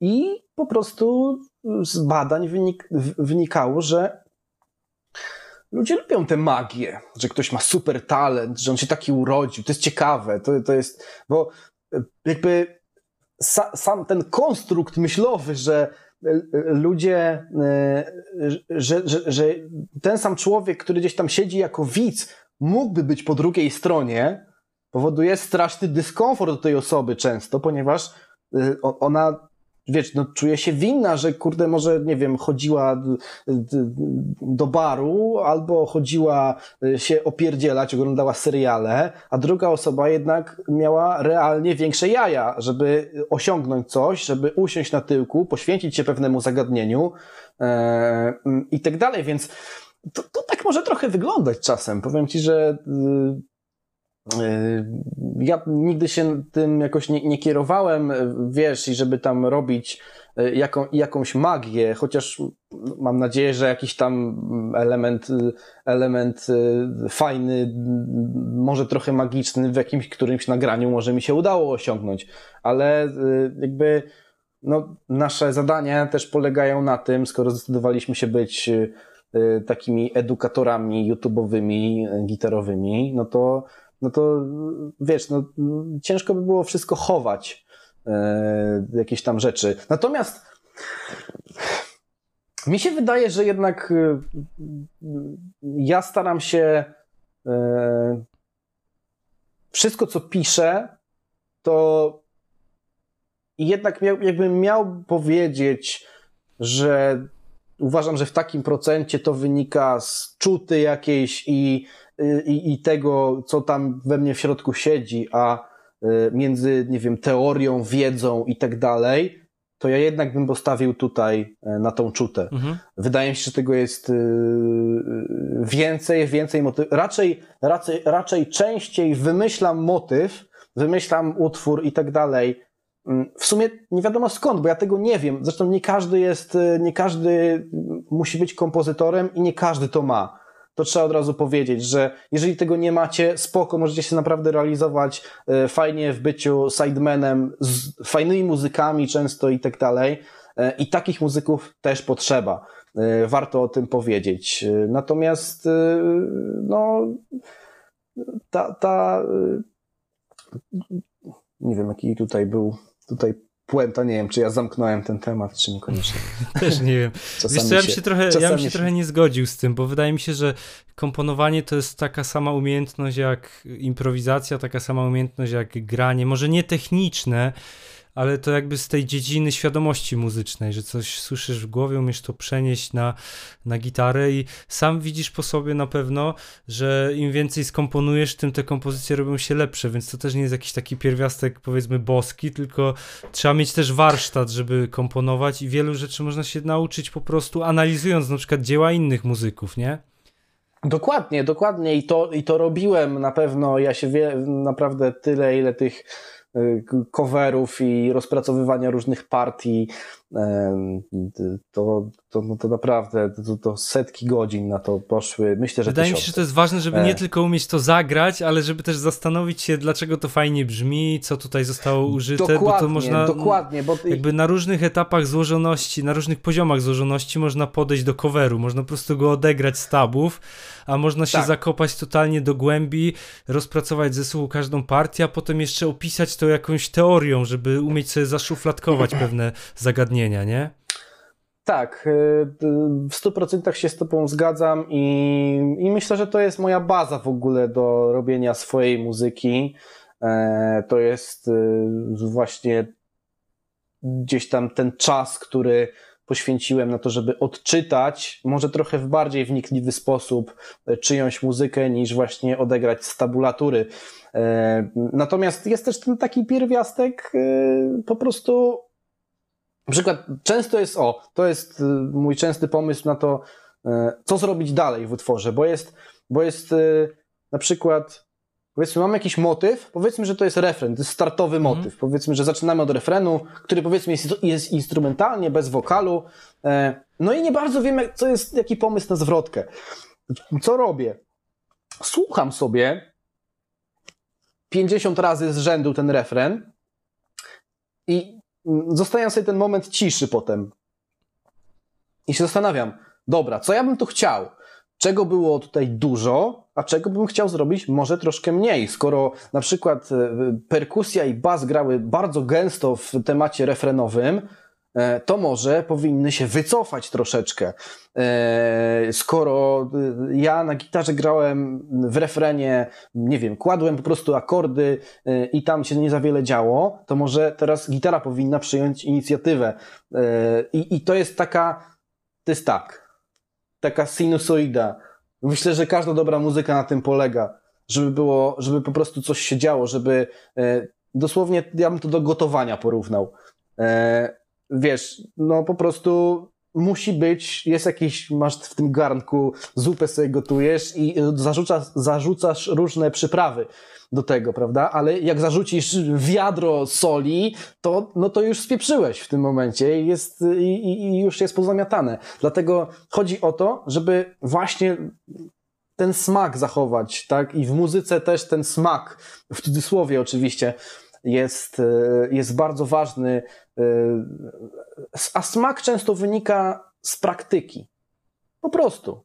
zrobienia, powtarzania tej samej czynności. Znowu odzieramy, widzę, że z magii wszystko, bo, Aha, no bo, bo też by się fajnie po, chciało powiedzieć, że, że wiesz, no, no ktoś podejdzie, no i wiesz, no jak zobaczy, jak gramy na przykład, y, a on gra pół roku, to jak zobaczy, jak my gramy i co tam się dzieje, co tam robimy, y, no to sobie pomyśli, że my troszeczkę, nie wiem, no, przylecieliśmy z Marsa właśnie, jesteśmy po prostu kozakami i tak dalej, no ale widzisz, no, to wszystko jest po prostu kwestia praktyka, praktyka i jeszcze raz praktyka, ćwiczenie, poświęcenie się temu, lubienie tego.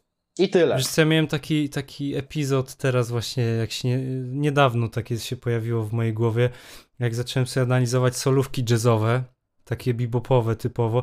Nie mówię tam wiadomo o jakichś super e, ekstrawaganckich, ale, ale, ale o takich typowych solówkach, gdzie, gdzie większość ludzi gra i jakby za, jak zacząłem dostrzegać te zależności, typu prowadzenie głosów, yy, te półtonowe przejścia przy zmianie akordów, to jakby szarp rysu.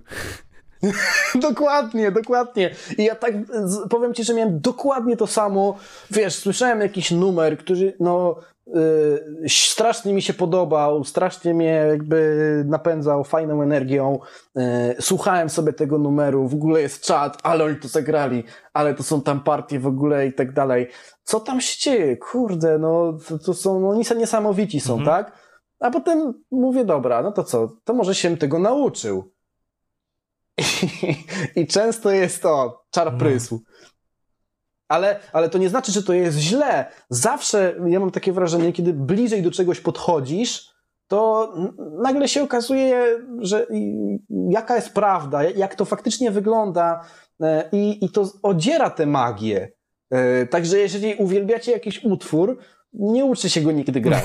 Niech on będzie magiczny dla was. W sumie tak, ale to też jest właśnie to, że się potem bardziej docenia taką muzykę, jak, jak wiesz na przykład jak, jaki tam misterny plan był w tym kawałku, a najgorsze jest to, w sensie tak z doświadczenia mówię, że jak zaczniesz dostrzegać patenty jakichś gitarzystów, Typu, że cenisz sobie kogoś za wow, każda solówka jest niesamowita, tutaj w ogóle za każdym razem pełna świeżość, a potem przeanalizujesz sobie 3-4 solówki i tu się nagle, o, to jest ta sekwencja, co w tej solówce i tak dalej, nie? Dokładnie, dokładnie, to, to, jest, to jest sama prawda e, i dlatego tutaj właśnie na, na, na lekcjach z Adamem mm, no, no, takie zadania E, tutaj mam e, i taką mam też osobistą motywację, żeby każdy, żaden motyw, żaden dźwięk e, nie był podyktowany jakimkolwiek schematem, który się kiedy, którego się kiedykolwiek nauczyłem, tylko żeby każdy, każdy był absolutnie przemyślany, wynikający z tego, że ja najpierw go w sobie gdzieś tam e, wymyślę, a potem, potem dopiero go przekazuję na, na instrument, bo e, wiadomo, różne liki, różne liki e, są fajne, ale nie stworzymy unikalności, bo liki to są po prostu zagrywki, które ktoś kiedyś wymyślił i już mhm. gra. A faktycznie jak się potem utwór zrobi, ja mogę powiedzieć, że teraz no, się bardzo cieszę, bo zrobiłem utwór oparłem cały utwór o, je, o sześcionutowy motyw.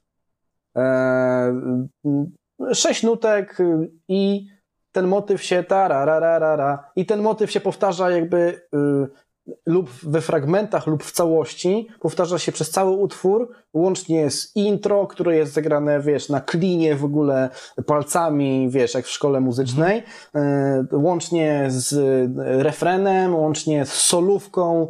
E, wszędzie ten motyw, motyw jest wciśnięty, to jest bardzo ciekawe, to robił, ale to też nie jest nowe. Mozart, Bach, e, to są te, te inspiracje, Chopin chociażby też. Także tak, pytanie pierwsze, czy ja tylko metal? Nie, ja nie tylko metal.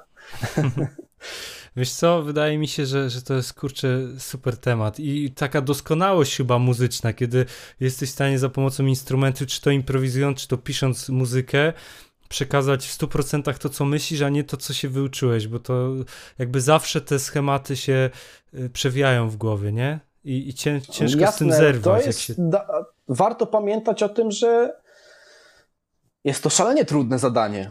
e, wiesz, wejść na taki level i na, na nim działać, to, to jest naprawdę trudne. Ja stawiam na tym polu w sumie określiłbym to jako pierwsze kroki. Mam nadzieję, że za 3-5 lat y, będzie to kozacki poziom, ale y, chociaż pewnie za 3-5 lat też powiem, że nadal mnie nie to Myślę, że to się nigdy nie kończy. Więcej. Dokładnie, to jest po prostu no, never ending story. Non-stop, non-stop masz coś y, w muzyce do zrobienia, non-stop może coś zrobić lepiej, nie we wszystkim jesteś najlepszy i tak dalej, i tak dalej, więc piękna przygoda na całe życie, tak myślę. Myślę, że tutaj też trzeba dobry mindset mieć przy tym, bo można się załamać. Jeżeli całe życie jesteś niezadowolony z siebie do końca, też trzeba jakby doceniać to, co się już umie zagrać. Tak, ja się tego, ja myślę, że się tego nauczyłem, e, bo e, jakby, nie wiem, to, że się zapisałem na lekcję nie powoduje e, sytuacji, że ja mam jakieś kompleksy w uczeniu rzeczy, które doskonale znam. Mhm i jestem świadomy, że ja to umiem. I to jest, myślę, że to jest jeden z powodów, dla którego prawie 20 lat minęło od mojego sięgnięcia po instrument, a ja nadal to robię. Faktycznie to dobrze ująłeś, ten balans między tym, że okej, okay, miejmy świadomość, że można się nauczyć czegoś więcej i że gdzieś tam po drugiej stronie kuli ziemskiej jest Azjata, który ma 3 lata i gra 5 razy lepiej od ciebie.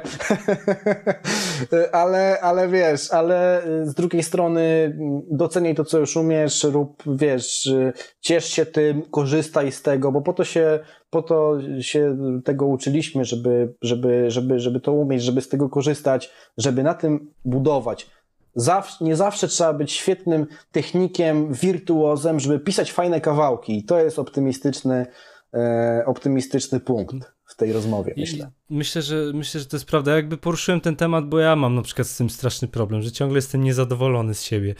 I, i, i to jest takie coś, nad czym cały czas pracuję, żeby umieć się cieszyć tym wszystkim, co na przykład się udało już osiągnąć, nie? Pod względem igrania i też tego kanału na YouTubie.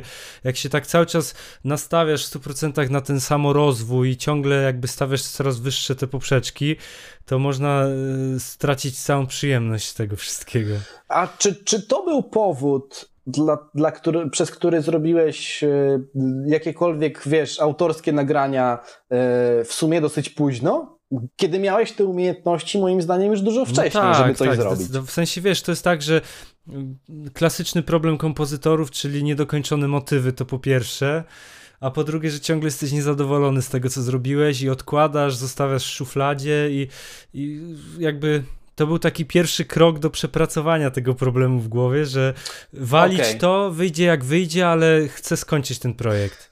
E, ja myślę, że bo tutaj mam dosyć duże doświadczenie, y, sporo utworów napisałem, równie sporo zaaranżowałem, nawet nie swoje i w równie y, wielu projektach brałem udział jako e, osoba, która gdzieś tam ma jakiś wkład, ale nie jest główną myślą tego wszystkiego. E, jest taki moment, gdzie, bo na przykład ja pracuję, powiem Ci, że ja od pięciu tygodni pracuję nad jedną solówką, mhm. nie?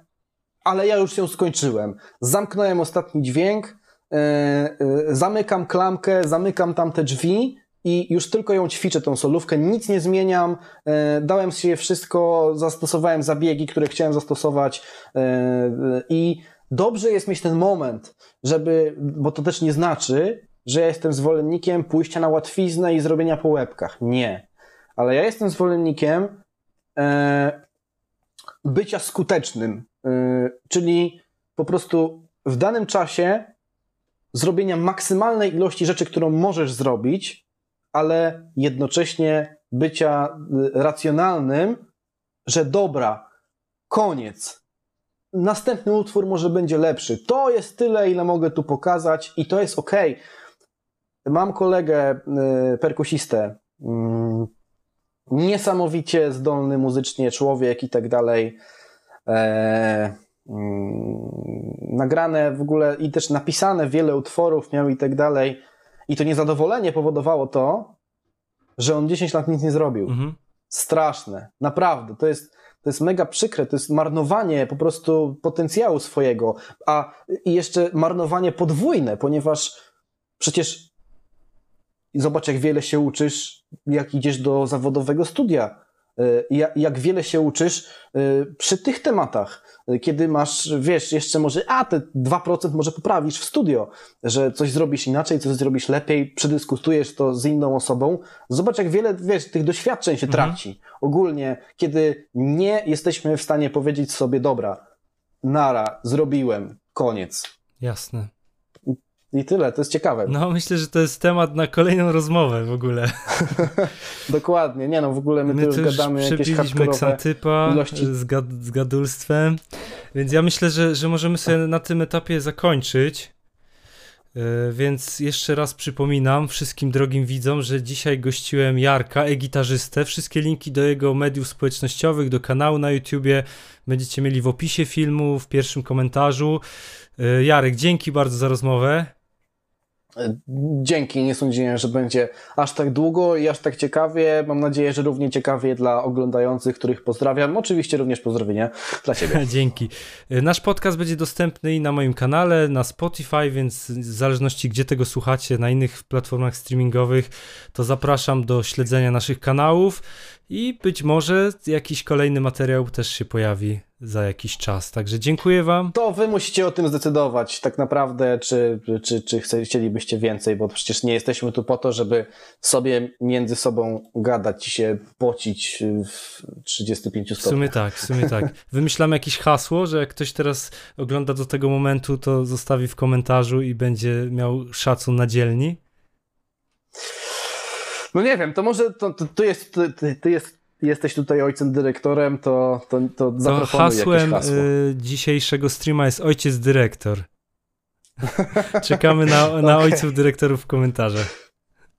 Tak, wpiszcie, o, to może rozszerzymy to pod tym materiałem i możecie na jakimś moim filmie dowolnym na kanale zrobić to samo. Jasne. Ja oczywiście ze swojej strony na, na koniec zachęcam do posłuchania mojej muzy, bo tutaj troszkę się, troszkę się na ten temat powypo, wypo, powypowiadałem, a y, tak naprawdę to wy jesteście recenzentami tego, y, czy to, co powiedziałem, miało jakiś sens i czy to ma przełożenie na, e, na faktyczną muzykę, a nie tylko, że tutaj e, kłapiemy jęzorami i, i, i coś rozmawiamy. Fajna płyta Bazoka też oczywiście zachęcam, jeśli on pewnie sam zachęcał, ale posłuchajcie sobie. Mam nadzieję, że kolejny album, e, bo to będzie z żywą sekcją już i tak dalej i, i będzie takim w ogóle mega fajnym projektem. Fajnie się zapowiada, bardzo Ci gratuluję tego kroku, że przełamałeś w sobie te, wiesz, te Jasne. obawy, e, bo, bo, naprawdę wyszło fajnie. Wyszło fajnie, brzmienia są bardzo dobre, zawodowe. Super, dzięki. Ja teraz głównie pracuję nad płytą zespołową, ale myślę, że niebawem też będzie coś solo numer dwa. Zobaczymy, jak to się rozwinie. Także y, dziękujemy jeszcze raz za wysłuchanie, dziękuję za uwagę, trzymajcie się ciepło do następnego. Cześć, gitary w dłoń. I to już koniec kolejnego odcinka gitarowego podcastu Bazoka. Jeżeli Ci się spodobał, gorąco zachęcam do śledzenia, do bycia na bieżąco z tematem i przypominam, że na moim kanale YouTube Bartosz Bazok-Zelek możesz oglądać podcasty, a więc nie tylko słuchać rozmówców, ale również widzieć ich reakcje. Bardzo dziękuję za uwagę, trzymaj się ciepło, gitary w dłoń, do następnego. Cześć!